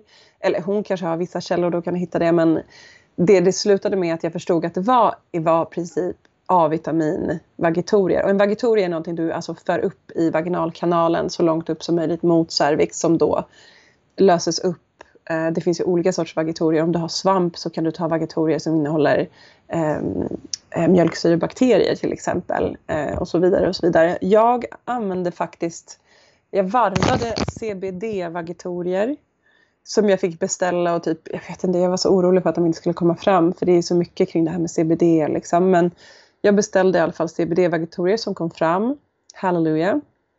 Som jag varvade med eh, typ en vecka utav, och så typ vilade jag en vecka och så tog jag en vecka med A-vitamin. Jag använde mig utav A-vitamin och tuja och tea tree organo eteriska oljor som är så antivirala oljor. Blandar du allt det i en enda? Det blandade jag i en enda och det man kan göra är ju att man kan typ sammanfoga det med någon sorts lite mer mättat fett, typ kokosolja, alltså smälta det och sen lägga det i någon sorts formar. Eh, till exempel. Och den här A-vitaminoljan, då tog man ungefär 10 000 international units i en sån vagitorie. Och det finns det faktiskt gamla studier på, att man har använt A-vitaminolja väldigt, väldigt framgångsrikt eh, för just cellförändringar det skulle man ju vilja se mera och nyare studier på hur det påverkar. Men det är också en sån som man ser att det påverkar cervix och det påverkar, alltså att du har lågt A-vitamin överlag är sånt som gör att det ökar risken för att, cell, för att få cellförändringar. Så det är sådana vagitorier jag använder mig av. Sen det här med vilka eteriska oljor man använder sig av, det vet inte jag exakt hur viktigt det är det ena eller andra. Skulle jag göra det igen idag, då kanske jag skulle göra faktiska jag använde mig av en menskopp eller en pessar, jag kommer inte ihåg vilken utav det. Och sen liksom förde jag upp den och liksom skälpte ut själva vätskan liksom över cervix. Och sen tyckte jag att den viktigaste, delen var att liksom massera och ha fysisk kontakt med det området. För att vad jag upptäckte när jag började ta på min cervix var att jag hade jättemycket trauman i det området. Att jag du vet, jag har haft spiral. Jag kommer ihåg när de satte in spiral på mig första gången att jag låg hemma i mitt rum, du vet, i min pappas hus och bara typ grät i flera dagar för jag hade så ont. Um, det var sådana minnen som kom upp. Minnen utav att jag har blivit penetrerad mot min vilja. Eller blivit penetrerad alltså sexuellt. Um, fastän jag kanske inte var redo. Eh, och det här finns det jättemycket som till exempel en kvinna som heter Danelna Rocky som driver sidan Cervical Wellness.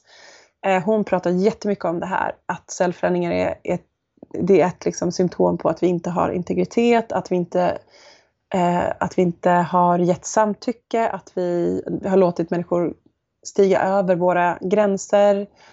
Ehm, och hon pratar väldigt mycket om den energetiska, emotionella aspekten utav cellförändringar och vad det innebär. Och jag har gått på flera workshops med henne och läst hennes böcker och så här, och tycker att hon har verkligen en poäng. Och jag kan känna igen mycket av det. Så jag tycker att det är ett spår, om man känner att man vill det och är redo för det, också kan ta det spåret lite på sidan utav det här väldigt så här, kliniska, fysi fysiologiska biten med att så här, de här pusselbitarna behövs för en välfungerande försvar och för att ta hand om HPV. Men så finns det också den andra delen som är så här, ja men vi ansamlar känslor i muskulatur och i vävnad eh, som då kommer komma upp. Så jag hade massa minnen helt plötsligt när jag började känna på min cervix och det var ganska jobbigt. Jag fick nästan lite illamående känslor av att börja känna på henne. Men det var ju något som gick över i att jag nu kan känna på henne och känna mera typ njutning, kärlek, kreativitet eh, mot att jag då hade ganska dålig kontakt. Um, ja, vilket också var spännande för att vi använder oss ut, utav att känna på cervix för att veta om vi är fertila eller inte. Vilket var någonting jag hade haft väldigt svårt med under min utbildning. Um, så det här är en ganska spännande bit att ta, i, um, ja, att ta in i, i, att, i läkningen, läkningsprocessen. Så du menar alltså att man går in med fingrarna och masserar försiktigt på och runt eller hur, mm. hur går det till mm. praktiskt? Precis, mm. man för in fingrarna och, och liksom masserar den, alltså cervixövning, och, eller öppning, runt öppningen och där runt. Och där får man ju se till, som sagt, att ha tvättat händerna och klippt naglarna och um, vara lite försiktig. Liksom. Um, men det var någonting jag gjorde och där tyckte jag att det, här vi, det vi skulle prata om, snippsauna, att att ånga, vaginal ångning och snippsauna är jättebra för då öppnar du liksom du öppnar liksom verkligen upp hela vulvan. Tänk att du har haft sex i typ en timme. Alltså då är du så, så här, svullen och öppen och juicy. Det är precis det du blir utav en 10, 15, 20 minuters snippsauna. Och då att göra den här behandlingen med vagitorie eller A-vitaminolja och så vidare och att massera cervix efter det var väldigt bra tyckte jag. Att det var en bra så här, kombination för att eh, det är som att hon öppnar sig väldigt mycket. Och varför snippsauna, varför jag tror att snippsauna också kan vara bra är för att det ökar blodcirkulationen till det här området. Och vad händer när vi ökar blodcirkulationen? Jo, immunförsvaret som finns i blodet är ju det som då tar sig till vävnaden bättre. Um, ja, så det finns ju inga studier alls på snippsauna. Eller jo, de har faktiskt gjort en studie på postpartum eh, vaginal steaming. Eh, Steamy Chick har gjort den i USA. Men eh, i övrigt så finns det inte så jättemycket på ånga. Det börjar komma på typ colon cancer and, and steaming och bla sådär. sådär. Och jag tänkte precis säga det, alltså nu, nu tog du upp det själv det här med blodcirkulationen, mm. alltså även om man inte vill tro på det här, ska vi säga, mer andliga i det, att ha en relation till sin cervix, så just mm. det här med, kan man ju i alla fall tänka på det här med blodcirkulation till alla kroppens delar är ju viktigt. Precis, verkligen. Mm. Men du, du nämner det här med snippsauna. Jag tror inte det är så många av mina lyssnare som vet ja. vad snippsauna är, så vi måste Nej. förklara det. Ja men det är jättebra. Eh, uh, snippsauna är myntat av underbara Rebecca Tiger. Hon är prästinna och Peristeam Hydrotherapist som jobbar här i Sverige. Hon har en sida som heter snippsauna.com eh, där hon bland annat säljer stolar och örtblandningar. Och vad man gör, alltså egentligen så är snippsauna en uråldrig tradition. Eh, det kallas även för vaginal steaming, det har kallats för hukbad här i Sverige. Och det är någonting som man främst har gjort postpartum för att läka och för att få vävnaden att dra ihop sig bra och få, ja, få stygn och så vidare att läka efter födsel. Och det är superbra för att få igång mjölkproduktion, det triggar oxytocin eh, och så vidare. och så vidare. Men det man gör är att man faktiskt så enkelt. Du kan göra det när du har lagt på podden. Du kan bara ta en eh, kastrull, koka upp lite vatten. Du kan slänga i lite örter om du vill. Eller, ja. Ibland så använder man, kan man använda bara lite salt eller lite vinäger eller någonting. Jag vet, salt och vinäger vet jag inte riktigt vad de baserar på. Men jag vet att örterna har ju då direkt effekt för att du tar upp det i den här väldigt sköra slemhin vaginala slemhinnan. Eh, för det är mycket av de här aktiva ämnena i örterna som är då eteriska oljor. Och eteriska oljor är just eteriska, de tar sig med ångan upp. Eh, och då träffar de din slemhinna och tas upp i slemhinnan. Alltså det är samma sak med vagitorier och sådär. Allting, alltså det är en väldigt känslig sömnhinna så det kommer liksom ta upp de här sakerna. Um, så då kan man ånga med olika örter. Uh, men framför allt vad ångningen handlar om är ju att skapa blodcirkulation och då värme uh, i det här området. Uh, om man blir väldigt varm och ångar du riktigt länge och riktigt varmt då blir det ju som en sorts bastu, som en liten så detox också. Um, och det, man kan ha en speciell pall man ångar på med som en pall med ett hål i eller man kan sätta ner en liten skål med varmt vatten och örter i toalettstolen eller du kan bara huka eller stå över någon sorts... Eh, min första snippsauna var när jag var i Malaysia hos någon skön typ medicinman som hade vuxit upp i en, en liten by där och hans mamma var barnmorska. Och han sa this is everybody, every woman do this. This is so good for you. Så, här så satte han något blomvattenbad så här, under mig och så en sarong och så typ jag, jag hade fötterna på typ två tegelstenar liksom. Och sen en sarong runt. Och så sa han att det här är jättebra för underlivet men också för njurar och typ hela bäckenet för att den här ångan då kom upp över hela kroppen. Um, ja, så det finns ju så här, tillbaka i massa olika traditioner att man har använt det här. I Korea bland annat så så snippsaunar man alltid sista dagen på mens för att det liksom rensar ut det sista ur livmodern. Eh, och det har en massa olika funktioner och jag vet att många har fått hjälp med bland annat så här menskramper och PMS och sånt där. Gör de det under mens då?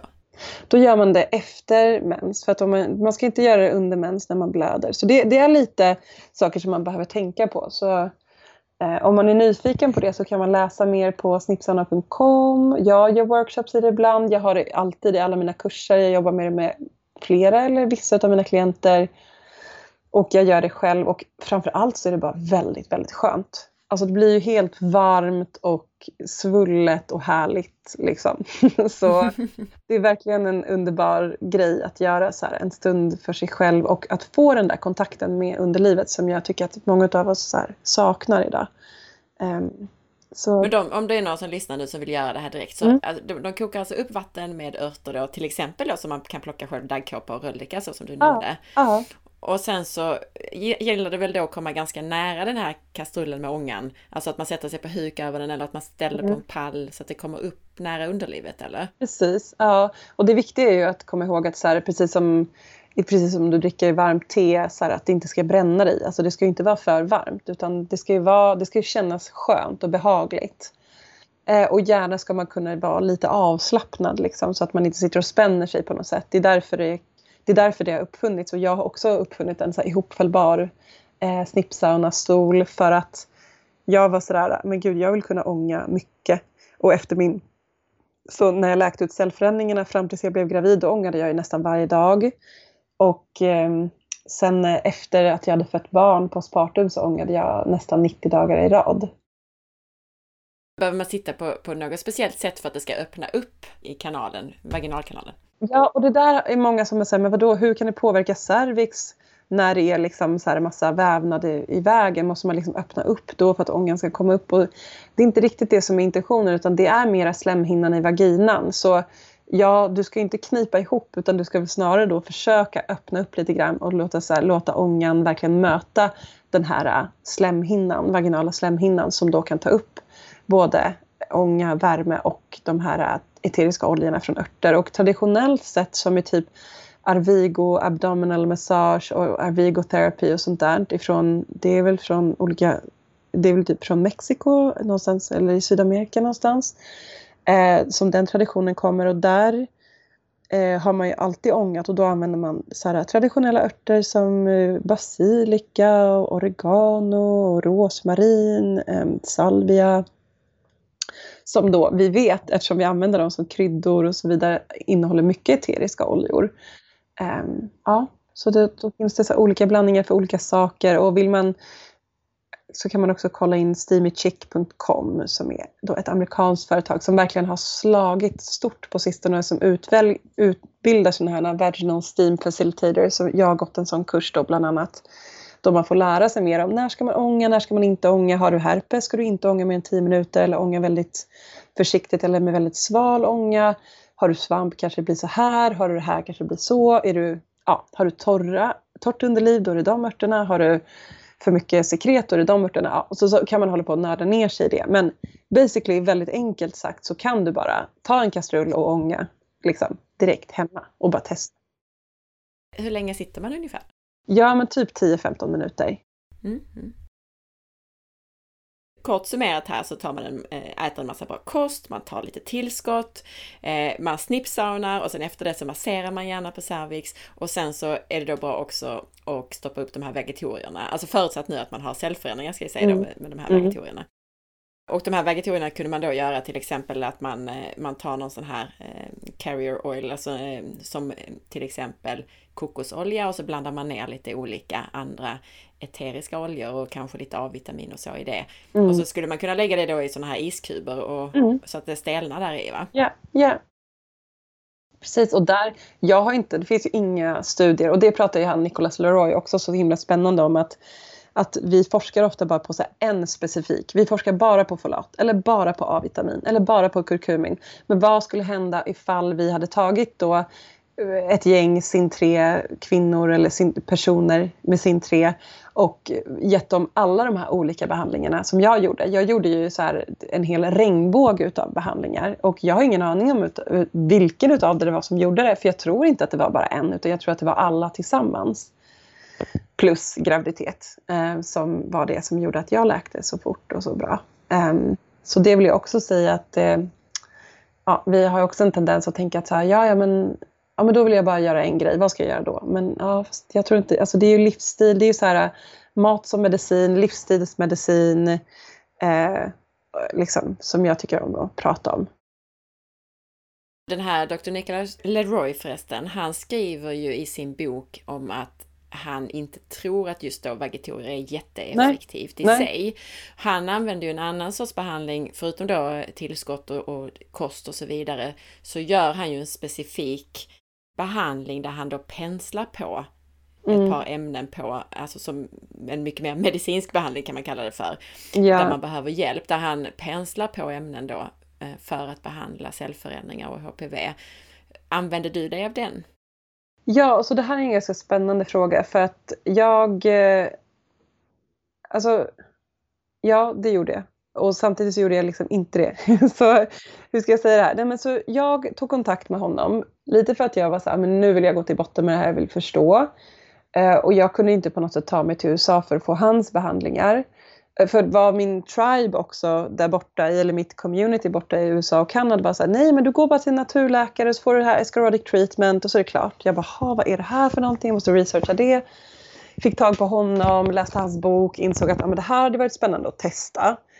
Um, och då sa han, nej men du kan testa hemma med din man, han kan behandla dig.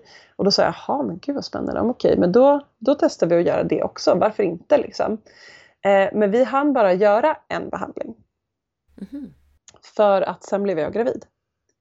Så det var definitivt inte den escarodic treatment som gjorde det. Men det man gör då det är att man tar en blandning utav eh, zinklorid, blodrotstinktur och vad han har lagt till på sistone är då den här curcumin meriva. Eh, och blandar det och penslar på det på det här området. Så vad zinkloriden gör är att den fräter på vävnaden. Och vad blodroten gör är att det är en så här gammal eh, epitelcancer, liksom, eh, att man har använt det mot olika hudcancer, epitelcancer. Och det finns, det ska jag lägga till, det finns ju studier på blodrot också hur ja. den faktiskt funkar med att den förhindrar den natrium-kaliumpumpen vilket kan ta död på cancerceller. Precis. Så, och det är det, han, han är ju jätteklinisk. Alltså jag har ju träffat honom flera gånger sedan dess med hjälp, med, så här, i samband med andra personer. Liksom för att de vill ha hjälp med att tolka eller att, de, eller att jag hjälper dem på andra sätt. Och eh, han är ju väldigt klinisk. Han är helt underbar men han är verkligen, jag är ju verkligen liksom både så spirituellt och andligt förankrad också i min medicin och han är väldigt, väldigt klinisk och det är väldigt skönt på något sätt för han är verkligen doktor. Eh, han har blivit liksom häxförklarad utav andra doktorer men det han gör är väldigt kliniskt och han tycker om forskning och vi skickar forskningsrapporter till varandra och sådär. Ehm, så ja, precis, så blodrot och zinklorid och vad det gör är att det i princip fräter på vävnaden och vad det också gör är att vi lockar dit immunförsvaret. Och det är lite det som de här eteriska oljorna och massagen och snippsaunan också gör, är att vi vill ha immunförsvaret dit så att, för att viruset gömmer sig ju i cellen så det är väldigt svårt för immunförsvaret att komma åt just där. Men vi behöver att immunförsvaret hittar till HPV och den liksom abnormala vävnaden för att kunna städa upp där. Och, ja. Så det är en av dem. Alltså det blir som en inflammation där av att ja. man skadar vävnaden ja, lite och då, då, tar sig immunförsvaret dit. Ja, precis. Och så, så det blir, ju, ju mer liksom rodnad man ser sen desto bättre för då vet man att immunförsvaret är där och jobbar. Och på min, bland annat på min Instagram, jag vet inte hur de har låtit mig ha kvar den, så finns det en bild på mina cellförändringar, hur de såg ut innan vi började behandla.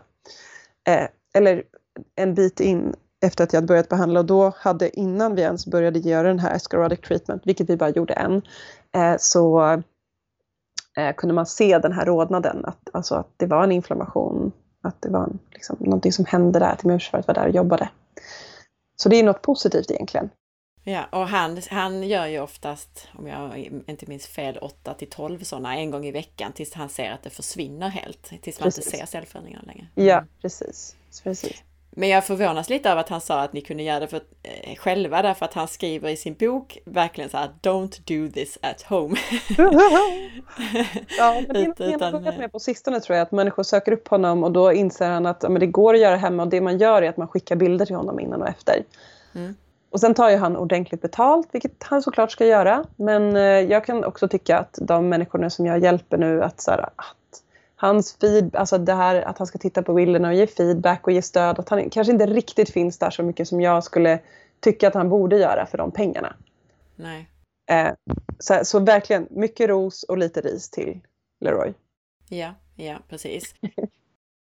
Vi ska kanske ändå betona här då att de, det, som sagt det fräter och man ska ju ta bort den här lösningen efter man har applicerat alltså, den. Hur tar man bort den Det är väldigt specifikt hur man gör det. Mm. Eh, det är väldigt, man behöver olika sorters tops för att ta bort, först ta bort sekretet. Eh, så liksom, ja, men öppna upp med spekulum, ta bort allt kringliggande sekret och så, så penslar man på det här och så, eh, så, så suger man upp över det. Alltså, så, så det, det är liksom som en det är så här hobbygynekologi hemma. Liksom. Men hur får man bort det sen? Jag bara tänker om någon nu ska ge, alltså jag, jag, vi rekommenderar inte någon att ge sig på det här utan att vara påläst och kontakta alltså, eller Roy eller någon. Om man ska göra det och man blir guidad av honom då får man en video med exakt hur man ska göra. Ja. Eh, men, man men tar man bort det med någon lösning sen eller man tar bara bort det med tops? Eller man tar här, bort det med tops och en sån här, det man sprutar på med som en sån, ett, eh, vad heter det, eh, pipett. Man använder pipett som man suger upp det med och, och baddar bort det. Men zinkloriden, alltså den typ fräter in i vävnaden så vävnaden kommer bli helt... Den, man ser att det liksom stelnar till och att cervix verkligen blir lite beat up, som han använder det uttrycket. Mm. Eh, men så det här är ett sätt som han, alltså han har ju då haft, vad sa 98% success rate. Mm. Under sina 20 ja, 90 år. Eller någonting. Ja, precis, ja, ja. Jag kommer inte ihåg, men 90 plus i alla fall. Success rate med den här äh, Escarotic treatment. Vilket är så här, okej okay, lämnar cervix intakt. Du, det, är nästan, alltså, det är ingen som har problem efter. Hon blir bara ren och fin och, och stärkt. Och vi måste ju tillägga här också att han alltid jobbar med kost och näring också, lika mycket. Han jobbar alltid, aldrig bara med den här uh, hands-on behandlingen utan han, han, han behandlar ju med kost och näring också. Men hur fick du tag på alla de här sakerna då som ni då fick använda med honom på distans? Mm, vi beställde dem via honom. Via honom, okej. Okay. Mm. Ja. Så ja, Nej, men så det var, och det var ju liksom det var en jättespeciell upplevelse när min man där med pannlampa och liksom spekulum skulle in där och jag skrattade så mycket för han var så, tyckte det var så roligt och fint och sen när han såg min cervix så var han så här, Wow! Och då skrattade så typ hela spekulumet åkte ut. Alltså det var bara så här kaos. Hemma gynekologi kaos. Men det var... Men Leroy satt inte med då via Skype? Nej, sånt, nej, det gjorde han inte. Gud, tack gudskelov för det alltså. Ja. ja, men det var kul. Han skriver någonstans om att det finns fler som gör det här ja. i USA, men finns det mm. någon som gör det i Europa eller till och med i Sverige? Nej. Inte Europa alls? Europa vet jag inte, men jag har inte hittat någonting eller sett någonting. Och i Sverige vet jag att det inte, alltså vet jag, de hade ju kommit efter mig med färdigt häxbål. liksom. um, så nej, tyvärr. Men jag hade jag önskar att det hade fanns, funnits någon som var modig nog att göra det. Um, och jag, jag menar så här, jag eller någon annan, man kan göra det så här på vänner för vänner så som han, alltså jag menar är det någon som inte har en partner som kan göra det, då är det någon annan som kan göra det och jag menar det, det finns inget fel med det på något sätt. Har du valt att göra den här grejen och bett någon, då kan man inte anmäla. Det handlar ju mer om att man utger sig för att vara en eh, Eh, healthcare provider och sen då säger att jag kan läka ut din cervixcancer eller dina cellförändringar och använder sig av det här, då, är det ju, då går det ju under typ patientsäkerhetslagen eller den gamla kvacksalverilagen eller så. Men det här är ju någonting som människor bestämmer att göra hemma i sina sovrum. Liksom. Och det är ingen som kan säga någonting om det. Nej, precis. Men det gäller kanske att ha lite guidning då med tanke på att det är frätande och så. Alltså jag. jätteviktigt att ha guidning. Man ska absolut inte göra det här utan hans överblick. Skulle jag säga. Um, och sen säger han att här, det här är det enda sättet och escarodic treatment är det enda och den här Danella Rocky som jag också följer en hel del, cervical wellness, hon är ju så här, man behöver absolut inte escarodic treatment typ. Eh, man kan göra det helt på egen hand och jag jag tror att man kan läka ut det väldigt bra utan sån escarodic treatment. Känner man att nej men jag orkar inte vänta, jag vill bara få det här gjort lite mer invasivt, progressivt, ja men då kanske man kör på en sån escarodic treatment. Känner man att nej men jag har tillit till att det här kommer lösa sig ändå, Alltså jag har vänner som har gjort allt ifrån att typ dricka mycket röllika och typ skölja med röllika bara och typ kanske ta något tillskott till att man har sprutat upp kollodialt silver, till att man har fått massa antroposofiska läkemedel och någon sorts spruta med typ guld i eller vad det var. Alltså, jag har hört alla, alla, alla möjliga sorts historier, Anna. så jag kan bara säga att det finns, det är så, alla vägar leder till Rom, lite så. När vi säger spruta upp så då menar man att man tar en sån här spruta, alltså utan, utan nål, men en sån här spruta som man kan, kan fylla med rölleka avkok eller kollodialt silver eller så, och så sprutar man upp det liggande.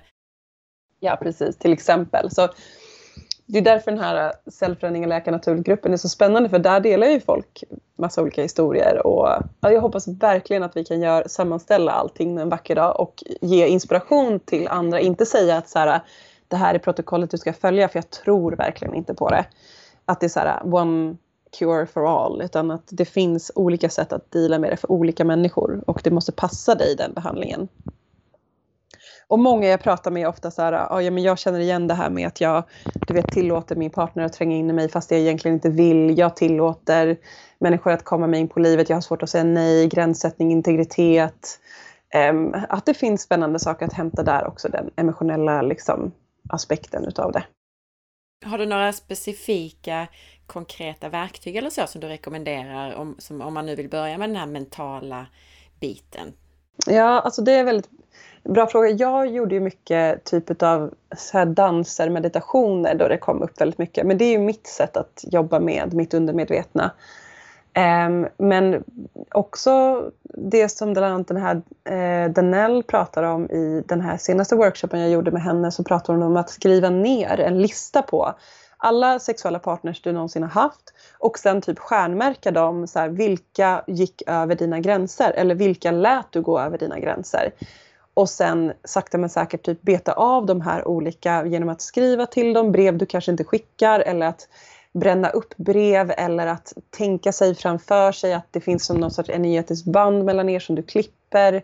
Eller att du går till den här personen och säger det här var faktiskt inte okej. Okay.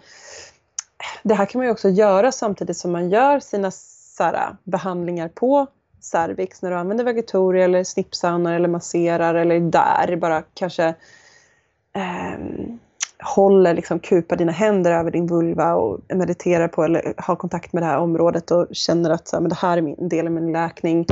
Att man kanske bara kan tillåta det, lite som bubblor upp på vattnet, så här, tillåta saker att poppa upp till medvetandet. Att komma upp till ytan och se, okej okay, men vad finns där för, för sorts trauman eller så? Och vad kan jag göra åt dem? Hur kan jag kärleksfullt bemöta det här liksom? Så jag har faktiskt sagt nu att jag ska börja, jag har klienter som vill börja komma och jag ska typ vägleda dem in i det här mera. Och, ja, så jag är också på en sorts mystisk liksom, resa eh, i så, så, någon sorts priestess, prästinneväg. Så jag kommer börja ta in det här mer och mer. Att jag både jobba kliniskt och liksom informera. Det jag gör mest är ju att informera människor om hur de faktiskt fungerar. Sen hänvisar jag dem ofta vidare till andra funktionsmedicinare eller instanser. Um, ja, men att faktiskt jobba mer med den här emotionella, mentala aspekten utav det. Att så här, ja, det är jätte, för det, jag börjar förstå mer och mer att det är jättemånga som kommer med cellförändringar som också är så här, ja, alltså jag vill egentligen inte ha sex med min man, men jag har det ju ändå för att typ vara snäll. Och där är jag så här, hallå, det här behöver vi prata om. Eh, det är också sånt som gör att man utvecklar typ vestibulit och sådana saker. Så det finns, liksom, det finns liksom mer där kanske ibland att, att rota ibland och eftersom jag jobbar holistiskt så tycker jag att det är spännande att titta på de aspekterna också.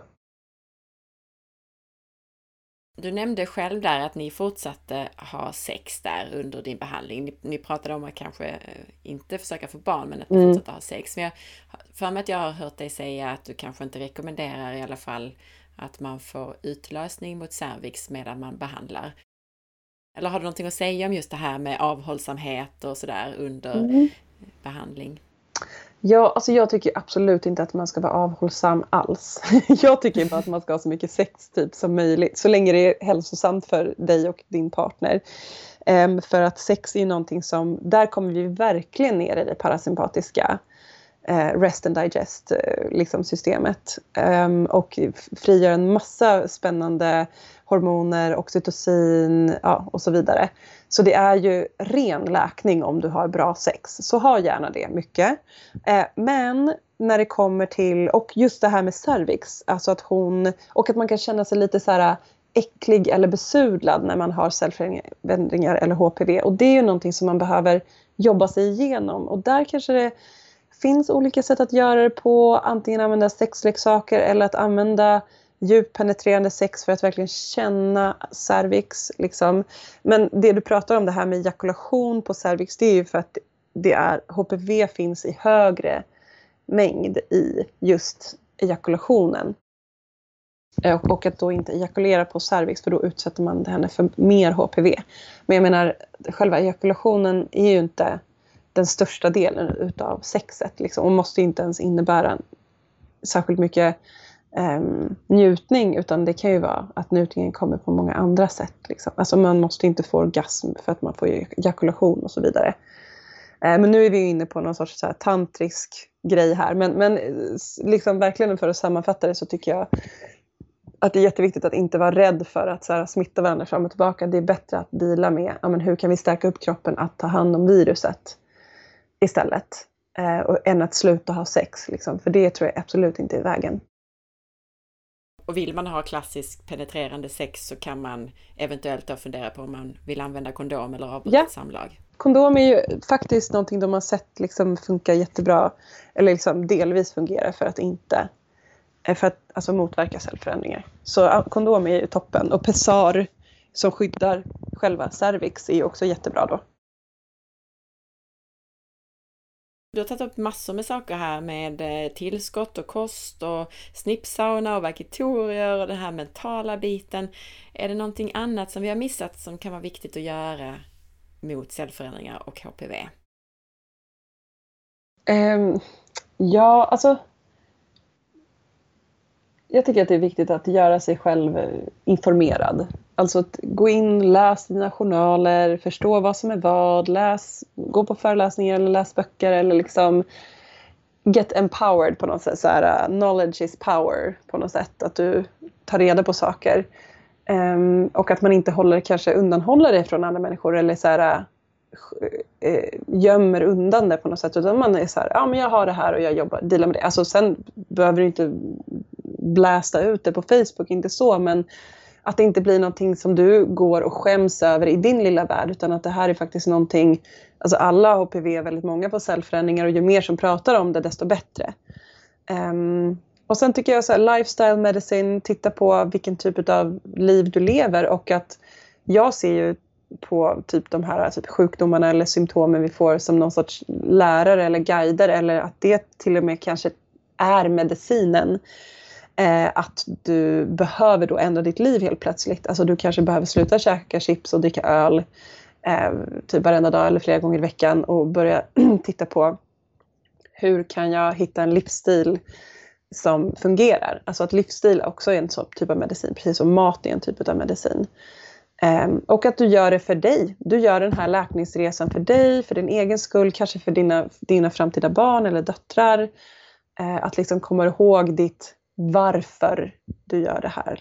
Um, och att så här, för mig har det lett till att hitta till den här orgasmnjutningspotentialen i min cervix som jag inte alls hade någon aning om tidigare. Så jag kan ju bara tacka henne för de här, den här resan med cellförändringar. För det gjorde ja, det har gjort en otrolig skillnad för mig att förstå den delen av min fysiologi och min kropp mycket, mycket, mycket bättre och vad hon faktiskt har eh, ja, vad hon har, vad hon kan skapa för någonting. Jag har några till följdfrågor på det här som du berättade. Och eh, det ena är det här, hur lång tid vågar man hålla på med, alltså just det här med vagitorier och så, jag tänker att man för upp det är ju ändå antimikrobiella preparat och man har ju en väldigt viktig flora i, ja, i snippan, i, i eh, vaginan och i hela kanalen. Ja. Vågar man hålla på hur länge som helst utan att störa den här floran för mycket? Nej, alltså det, det stör floran. Det gör det och det gör kokosoljan också. Eh, och jag vet människor som säger att de inte kan använda kokosolja och då får man använda något Pessar eller någonting. Eh, och jag kan känna att de här vagitorierna, alltså det jag brukar ha en så här en vecka på, en vecka av. Mm, okay. eh, och sen så gör du ju oftast ett nytt cellprov inom tre till sex månader typ. Eh, något sånt där. Och så där handlar det ju också jättemycket om att här, känna in vad känns rätt för dig. Så att kanske en vecka av, en vecka på, en vecka av i två månader och sen vila en månad till exempel. Eh, ja. Och så, så vad jag gjorde var att jag hade typ en vecka med vagatorier, en vecka med CBD-vagatorier och sen en vecka vila. Men det gjorde jag ju bara, hann jag bara göra då i två månader för sen blev jag gravid och då gjorde jag inga. Och då ska man inte göra några, inte snippsauna, inga alls behandlingar på cervix. Utan då är det bara typ orala behandlingar jag gjorde. Och tog bort vissa örter då, typ rölleka ska man inte dricka när man är gravid och sådär. Sen tänkte jag också lite grann med det här med forskningen på de här häftiga, det finns ju massa häftig forskning på fytonäringsämnen och allt möjligt. Mm. Och jag vet att du har säkert några studier du vill berätta om. Jag, en sak som jag också gav mig till minnes var att, en, att Leroy skriver bland annat om en studie som handlar mycket om det här med synergieffekten av att ta kanske många av de här sakerna samtidigt. Att man tar yeah. kurkumin och resveratrol och broccoliextrakt och allt det här yeah. på en gång och så får man, så blir ett plus ett blir tre på något sätt. Ja, men har du några särskilda studier? Jag vet att jag har hört dig berätta om några studier tidigare, men det kan ju vara intressant bara att, att få någon, någon litet, några exempel, tänker jag. Ja, precis. Alltså det finns ju jättemycket studier på alltså, sambanden med p-piller, spiral och att man utvecklar cervixcancer. Eh, så, och vi har inte pratat om spiral, men det finns det ju också. Eh, oral contraceptive use and intrauterine device kan man ju typ söka på cervical intraepithelial neoplasia. Då kan man hitta massor. Eh, men just sånt som är så här främjande. Ja, alltså D-vitamin finns det också så studier på som är spännande. Att de har använt det faktiskt vaginal D-vitamin med jättehöga doser. Eh, och E-vitamin också, samma sak med A-vitamin. Så det är inte bara A-vitamin. Eh, som... Man kanske skulle stoppa det i sina vagitorier, lite D-vitamin och så? Det kan man också göra, ja. Precis. D-vitamin, A-vitamin, E-vitamin finns det alla studier på. Eh, de har jobbat vaginalt. Ehm, som vi pratade om, I3C finns det också en del med så placebo. Liksom också. Eh, sen tycker jag, alltså jag kommer ju alltid tillbaka till det här med typ njutningen och kontakten med cervix och hur hennes liksom olika nervbanor och sådär. Och det finns en en forskare som heter Barry R. Komisaruk som jag nämnde tidigare också som har gjort jättespännande forskning på vaginala orgasmer och sånt där. Och jag, jag tror att, att vi också så här, i ett bortglömt område typ så här, kan det gärna lätt stå och damma igen och vad som helst kan hända där utan att man märker det. Men om det är ett område som är liksom levande, aktiverat, ett område vi är i kontakt med så tror jag att det är svårare för oss att använda, utveckla cellförändringar där. Och vad hon, Danell pratar om också, alltså Narocki, eh, är ju att det, ifall det finns olika eh, anatomiska liksom, vad ska man säga, skevheter i pelvis, alltså att din livmoder, att det har hänt någonting rent mekaniskt liksom, på i, i pelvis och runt livmodern om det är så att hon är tiltad åt något håll eller att det är någonting som har blivit fel med ligament och så vidare. Så det är också någonting som kan bidra till cellförändringar. Men vad gör man åt sånt i så fall om den har blivit tiltad till exempel? Ja, där tänker jag på osteopati. Och så tänker jag på det här Arvigo abdominal massage där man liksom går in och liksom jobbar på ligamenten runt eh, livmodern och så vidare. Jag har fått en sån Arvigo abdominal massagebehandling och det var typ bland det coolaste jag varit med om någonsin. Eh, det var också någonting jag höll på med i min här, jakt där på att främja min fertilitet. Um, och det finns inte så många Arvigo therapists här i Sverige men det finns några stycken. Jag hittade några när jag sökte på det. Jag träffade en kvinna i Uppsala. Um, mm, så det är ju det är spännande. Sen nämnde du ju då att du har hört många andras berättelser du nämner att folk sköljer med silver och rölleka och förutom då tar olika tillskott och sådär. Är det någonting, eh, något annat exempel som du har där som vi borde ta upp? Mm. Mm, bra fråga. Nej, men det, var det, det är det de pratar om på den här sidan som vi har där på Facebook med det här glycin och ja, folk pratar om kollodialt silver och jag kan säga att jag tycker att kollodialt silver är lite hypat och att, att man inte ska inta det oralt hur som helst för att det är också någonting som kan överbelasta levern. Um, men att ta det vaginalt under en period, ja det kanske kan funka. Och det där jag tycker är så här, ju mer jag grottar i det här och pratar med människor desto mer tycker jag att jag bara, det poppar upp en så många olika eh, sätt som man kan göra det på. Att det, att det är liksom, och det är kanske jobbigt för er som sitter där ute och har cellförändringar och tänker att ja, men nu kommer jag få alla pusselbitar här och så säger jag att nej, det finns så tusen olika sätt att göra det på. Det kanske bara känns skitjobbigt men det, jag tänker att det också är viktigt att förstå att det inte bara är på ett sätt utan att det liksom kan vara på så många olika sätt. Liksom. Men jag tycker ändå vi har varit väldigt konkreta här. Ja, verkligen. Saker som man kan göra. Ja, ja. ja verkligen. Mm, absolut. Är det någonting i det här avsnittet som du tycker vi har missat att prata om? Nej, men jag, jag kan tänka... Jag, jag tycker att det är så fint att ha sett min egen cervix. Det, det, skulle jag bara vilja typ ge i gåva till alla med en cervix. Um, och det finns Alltså så här, det finns olika sätt att göra det, bland annat med spekulum. Liksom. Men att bara titta på henne och att se hon är ju som en sorts, det är som en typ en sorts vortex, att det liksom här cellerna kommer ut genom den här öppningen och, och sen skapar själva cervix eh, liksom ansikte. Eh, man pratar om cervix ansikte och cervix mun och det är lite som en så här, vi har vårt ansikte och vår mun och så har vi liksom det nedre ansiktet och munnen som är där nere. Så det är lite så jag förhåller mig till mig själv idag. Att så här, mitt ansikte här uppe och typ mitt ansikte där nere som är typ min cervix och vagina och livmoder. Som att det här är typ två delar av mig. Och, ja, ja, så jag tror att jag relaterar till det på ett helt annat sätt idag. Och om man vill fortsätta att förstå sina cellförändringar, HPV och eh, sin cervix och vidare så finns det då bland annat något som heter Self-Cervix. Hon är på Instagram och har en hemsida och ger kurser hela tiden. Där kan man också läsa en del forskning och ja, det är spännande. Eh, Self-Cervix heter den och så finns det den här Cervical Wellness som jag har nämnt flera gånger. Den Eleanor Rocky som har skrivit en bok som heter Informed, Aware, Empowered tror jag att den heter. Som är superbra. Eh, och hon pratar ju om så vaginal douches och att blöda på jorden. Och, hon pratar om allt möjligt eh, som man kan då göra och typ lägga till. Hon pratar också om väldigt mycket så hands-on. Hur rensar du energetiskt ut gammalt strunt som du inte vill ha där längre? Typ eh, övergrepp och brist på samtycke och så att du, någon har gått över dina gränser och sånt. Eh, och sen har du då Nicholas Leroy. Men så typ Tori Hudson i hennes Women's Encyclopedia for... Eh, vad heter den? Women's Encyclopedia någonting. Eh, Tori Hudson hon skriver också då om cervix och cellförändringar och andra saker som man kan drabbas av, vaginit och, ehm, och så vidare. Och så vidare. Alltså inflammation på cervix. Och. Hon pratar om olika vagitorier och så vidare. Så mm, det finns, eh, finns mycket spännande där ute som ni kan gå vidare med tänker jag och fördjupa er. Och jag tänker på det här att du rekommenderar att man verkligen får se sin cervix. Du, bara påminn mig igen, eller oss igen då, det här spekulumet som du beställde som också hade en lampa, var fick man tag på ett sånt? Ja, jag beställde lampan bara på typ, så här, typ vårdväskan eller vad det nu hette. Sånt som man kan använda för att typ analysera människors pupiller eller så.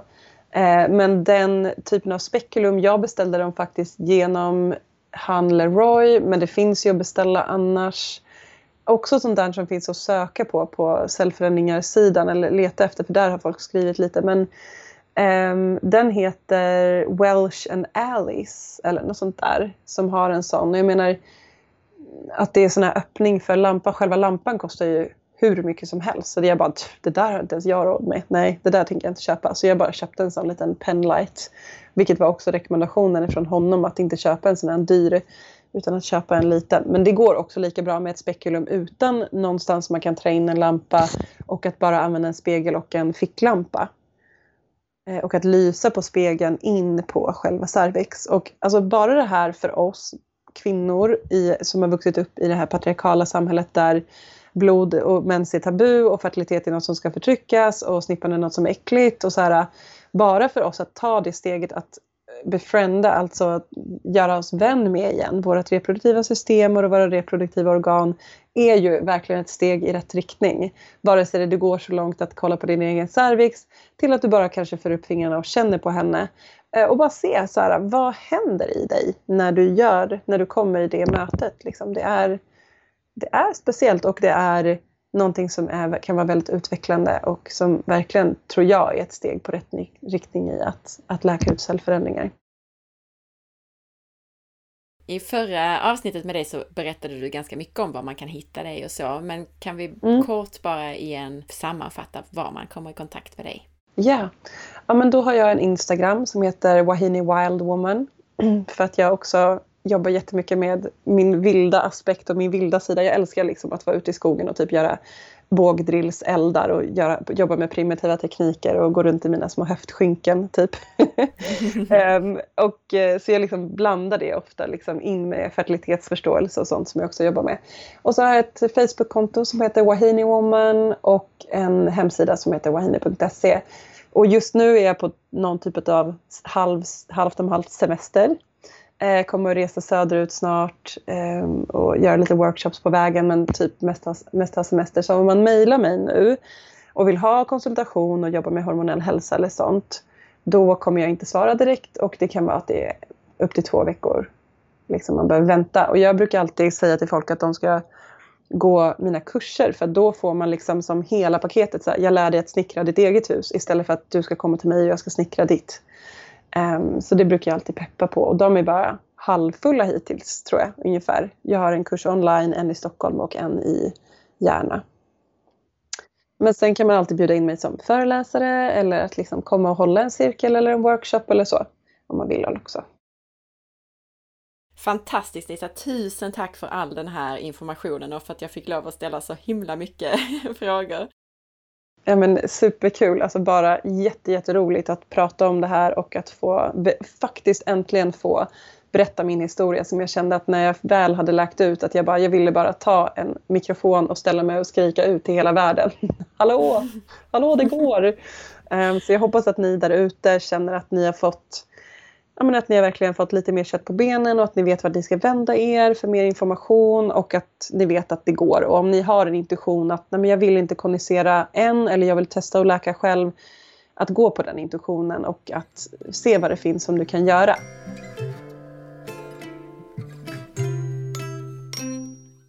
Jag hoppas att du uppskattade den här intervjun lika mycket som jag. Om du gjorde det så gå till facebook.com forhealth.se och dela avsnittsinformationen. Dela den gärna i dina Facebookgrupper om du tror att någon kan ha hjälp av den. Och gör också som Rebseb22 och gå in i iTunes eller i din app i telefonen och lämna ett betyg eller en recension för podcasten For Health med Anna Sparre. Tänk på att du måste söka fram podden med sökfunktionen för att kunna lämna recensioner, även om du redan prenumererar. Rebseb22 skriver i iTunes efter att ha lyssnat på de flesta hälsopoddar som finns väljer jag att ge Anna högsta betyg. Kunnig, inspirerande och ett intresse för att gå på djupet i olika ämnen och en förmåga att hitta de mest kunniga personer att intervjua. Hon är ofta flera år före andra. Tusen tack! Missa nu inte att följa med på Instagram via asparre. Tack för att du lyssnade och ha en fantastisk dag så hörs vi snart igen. Hej då!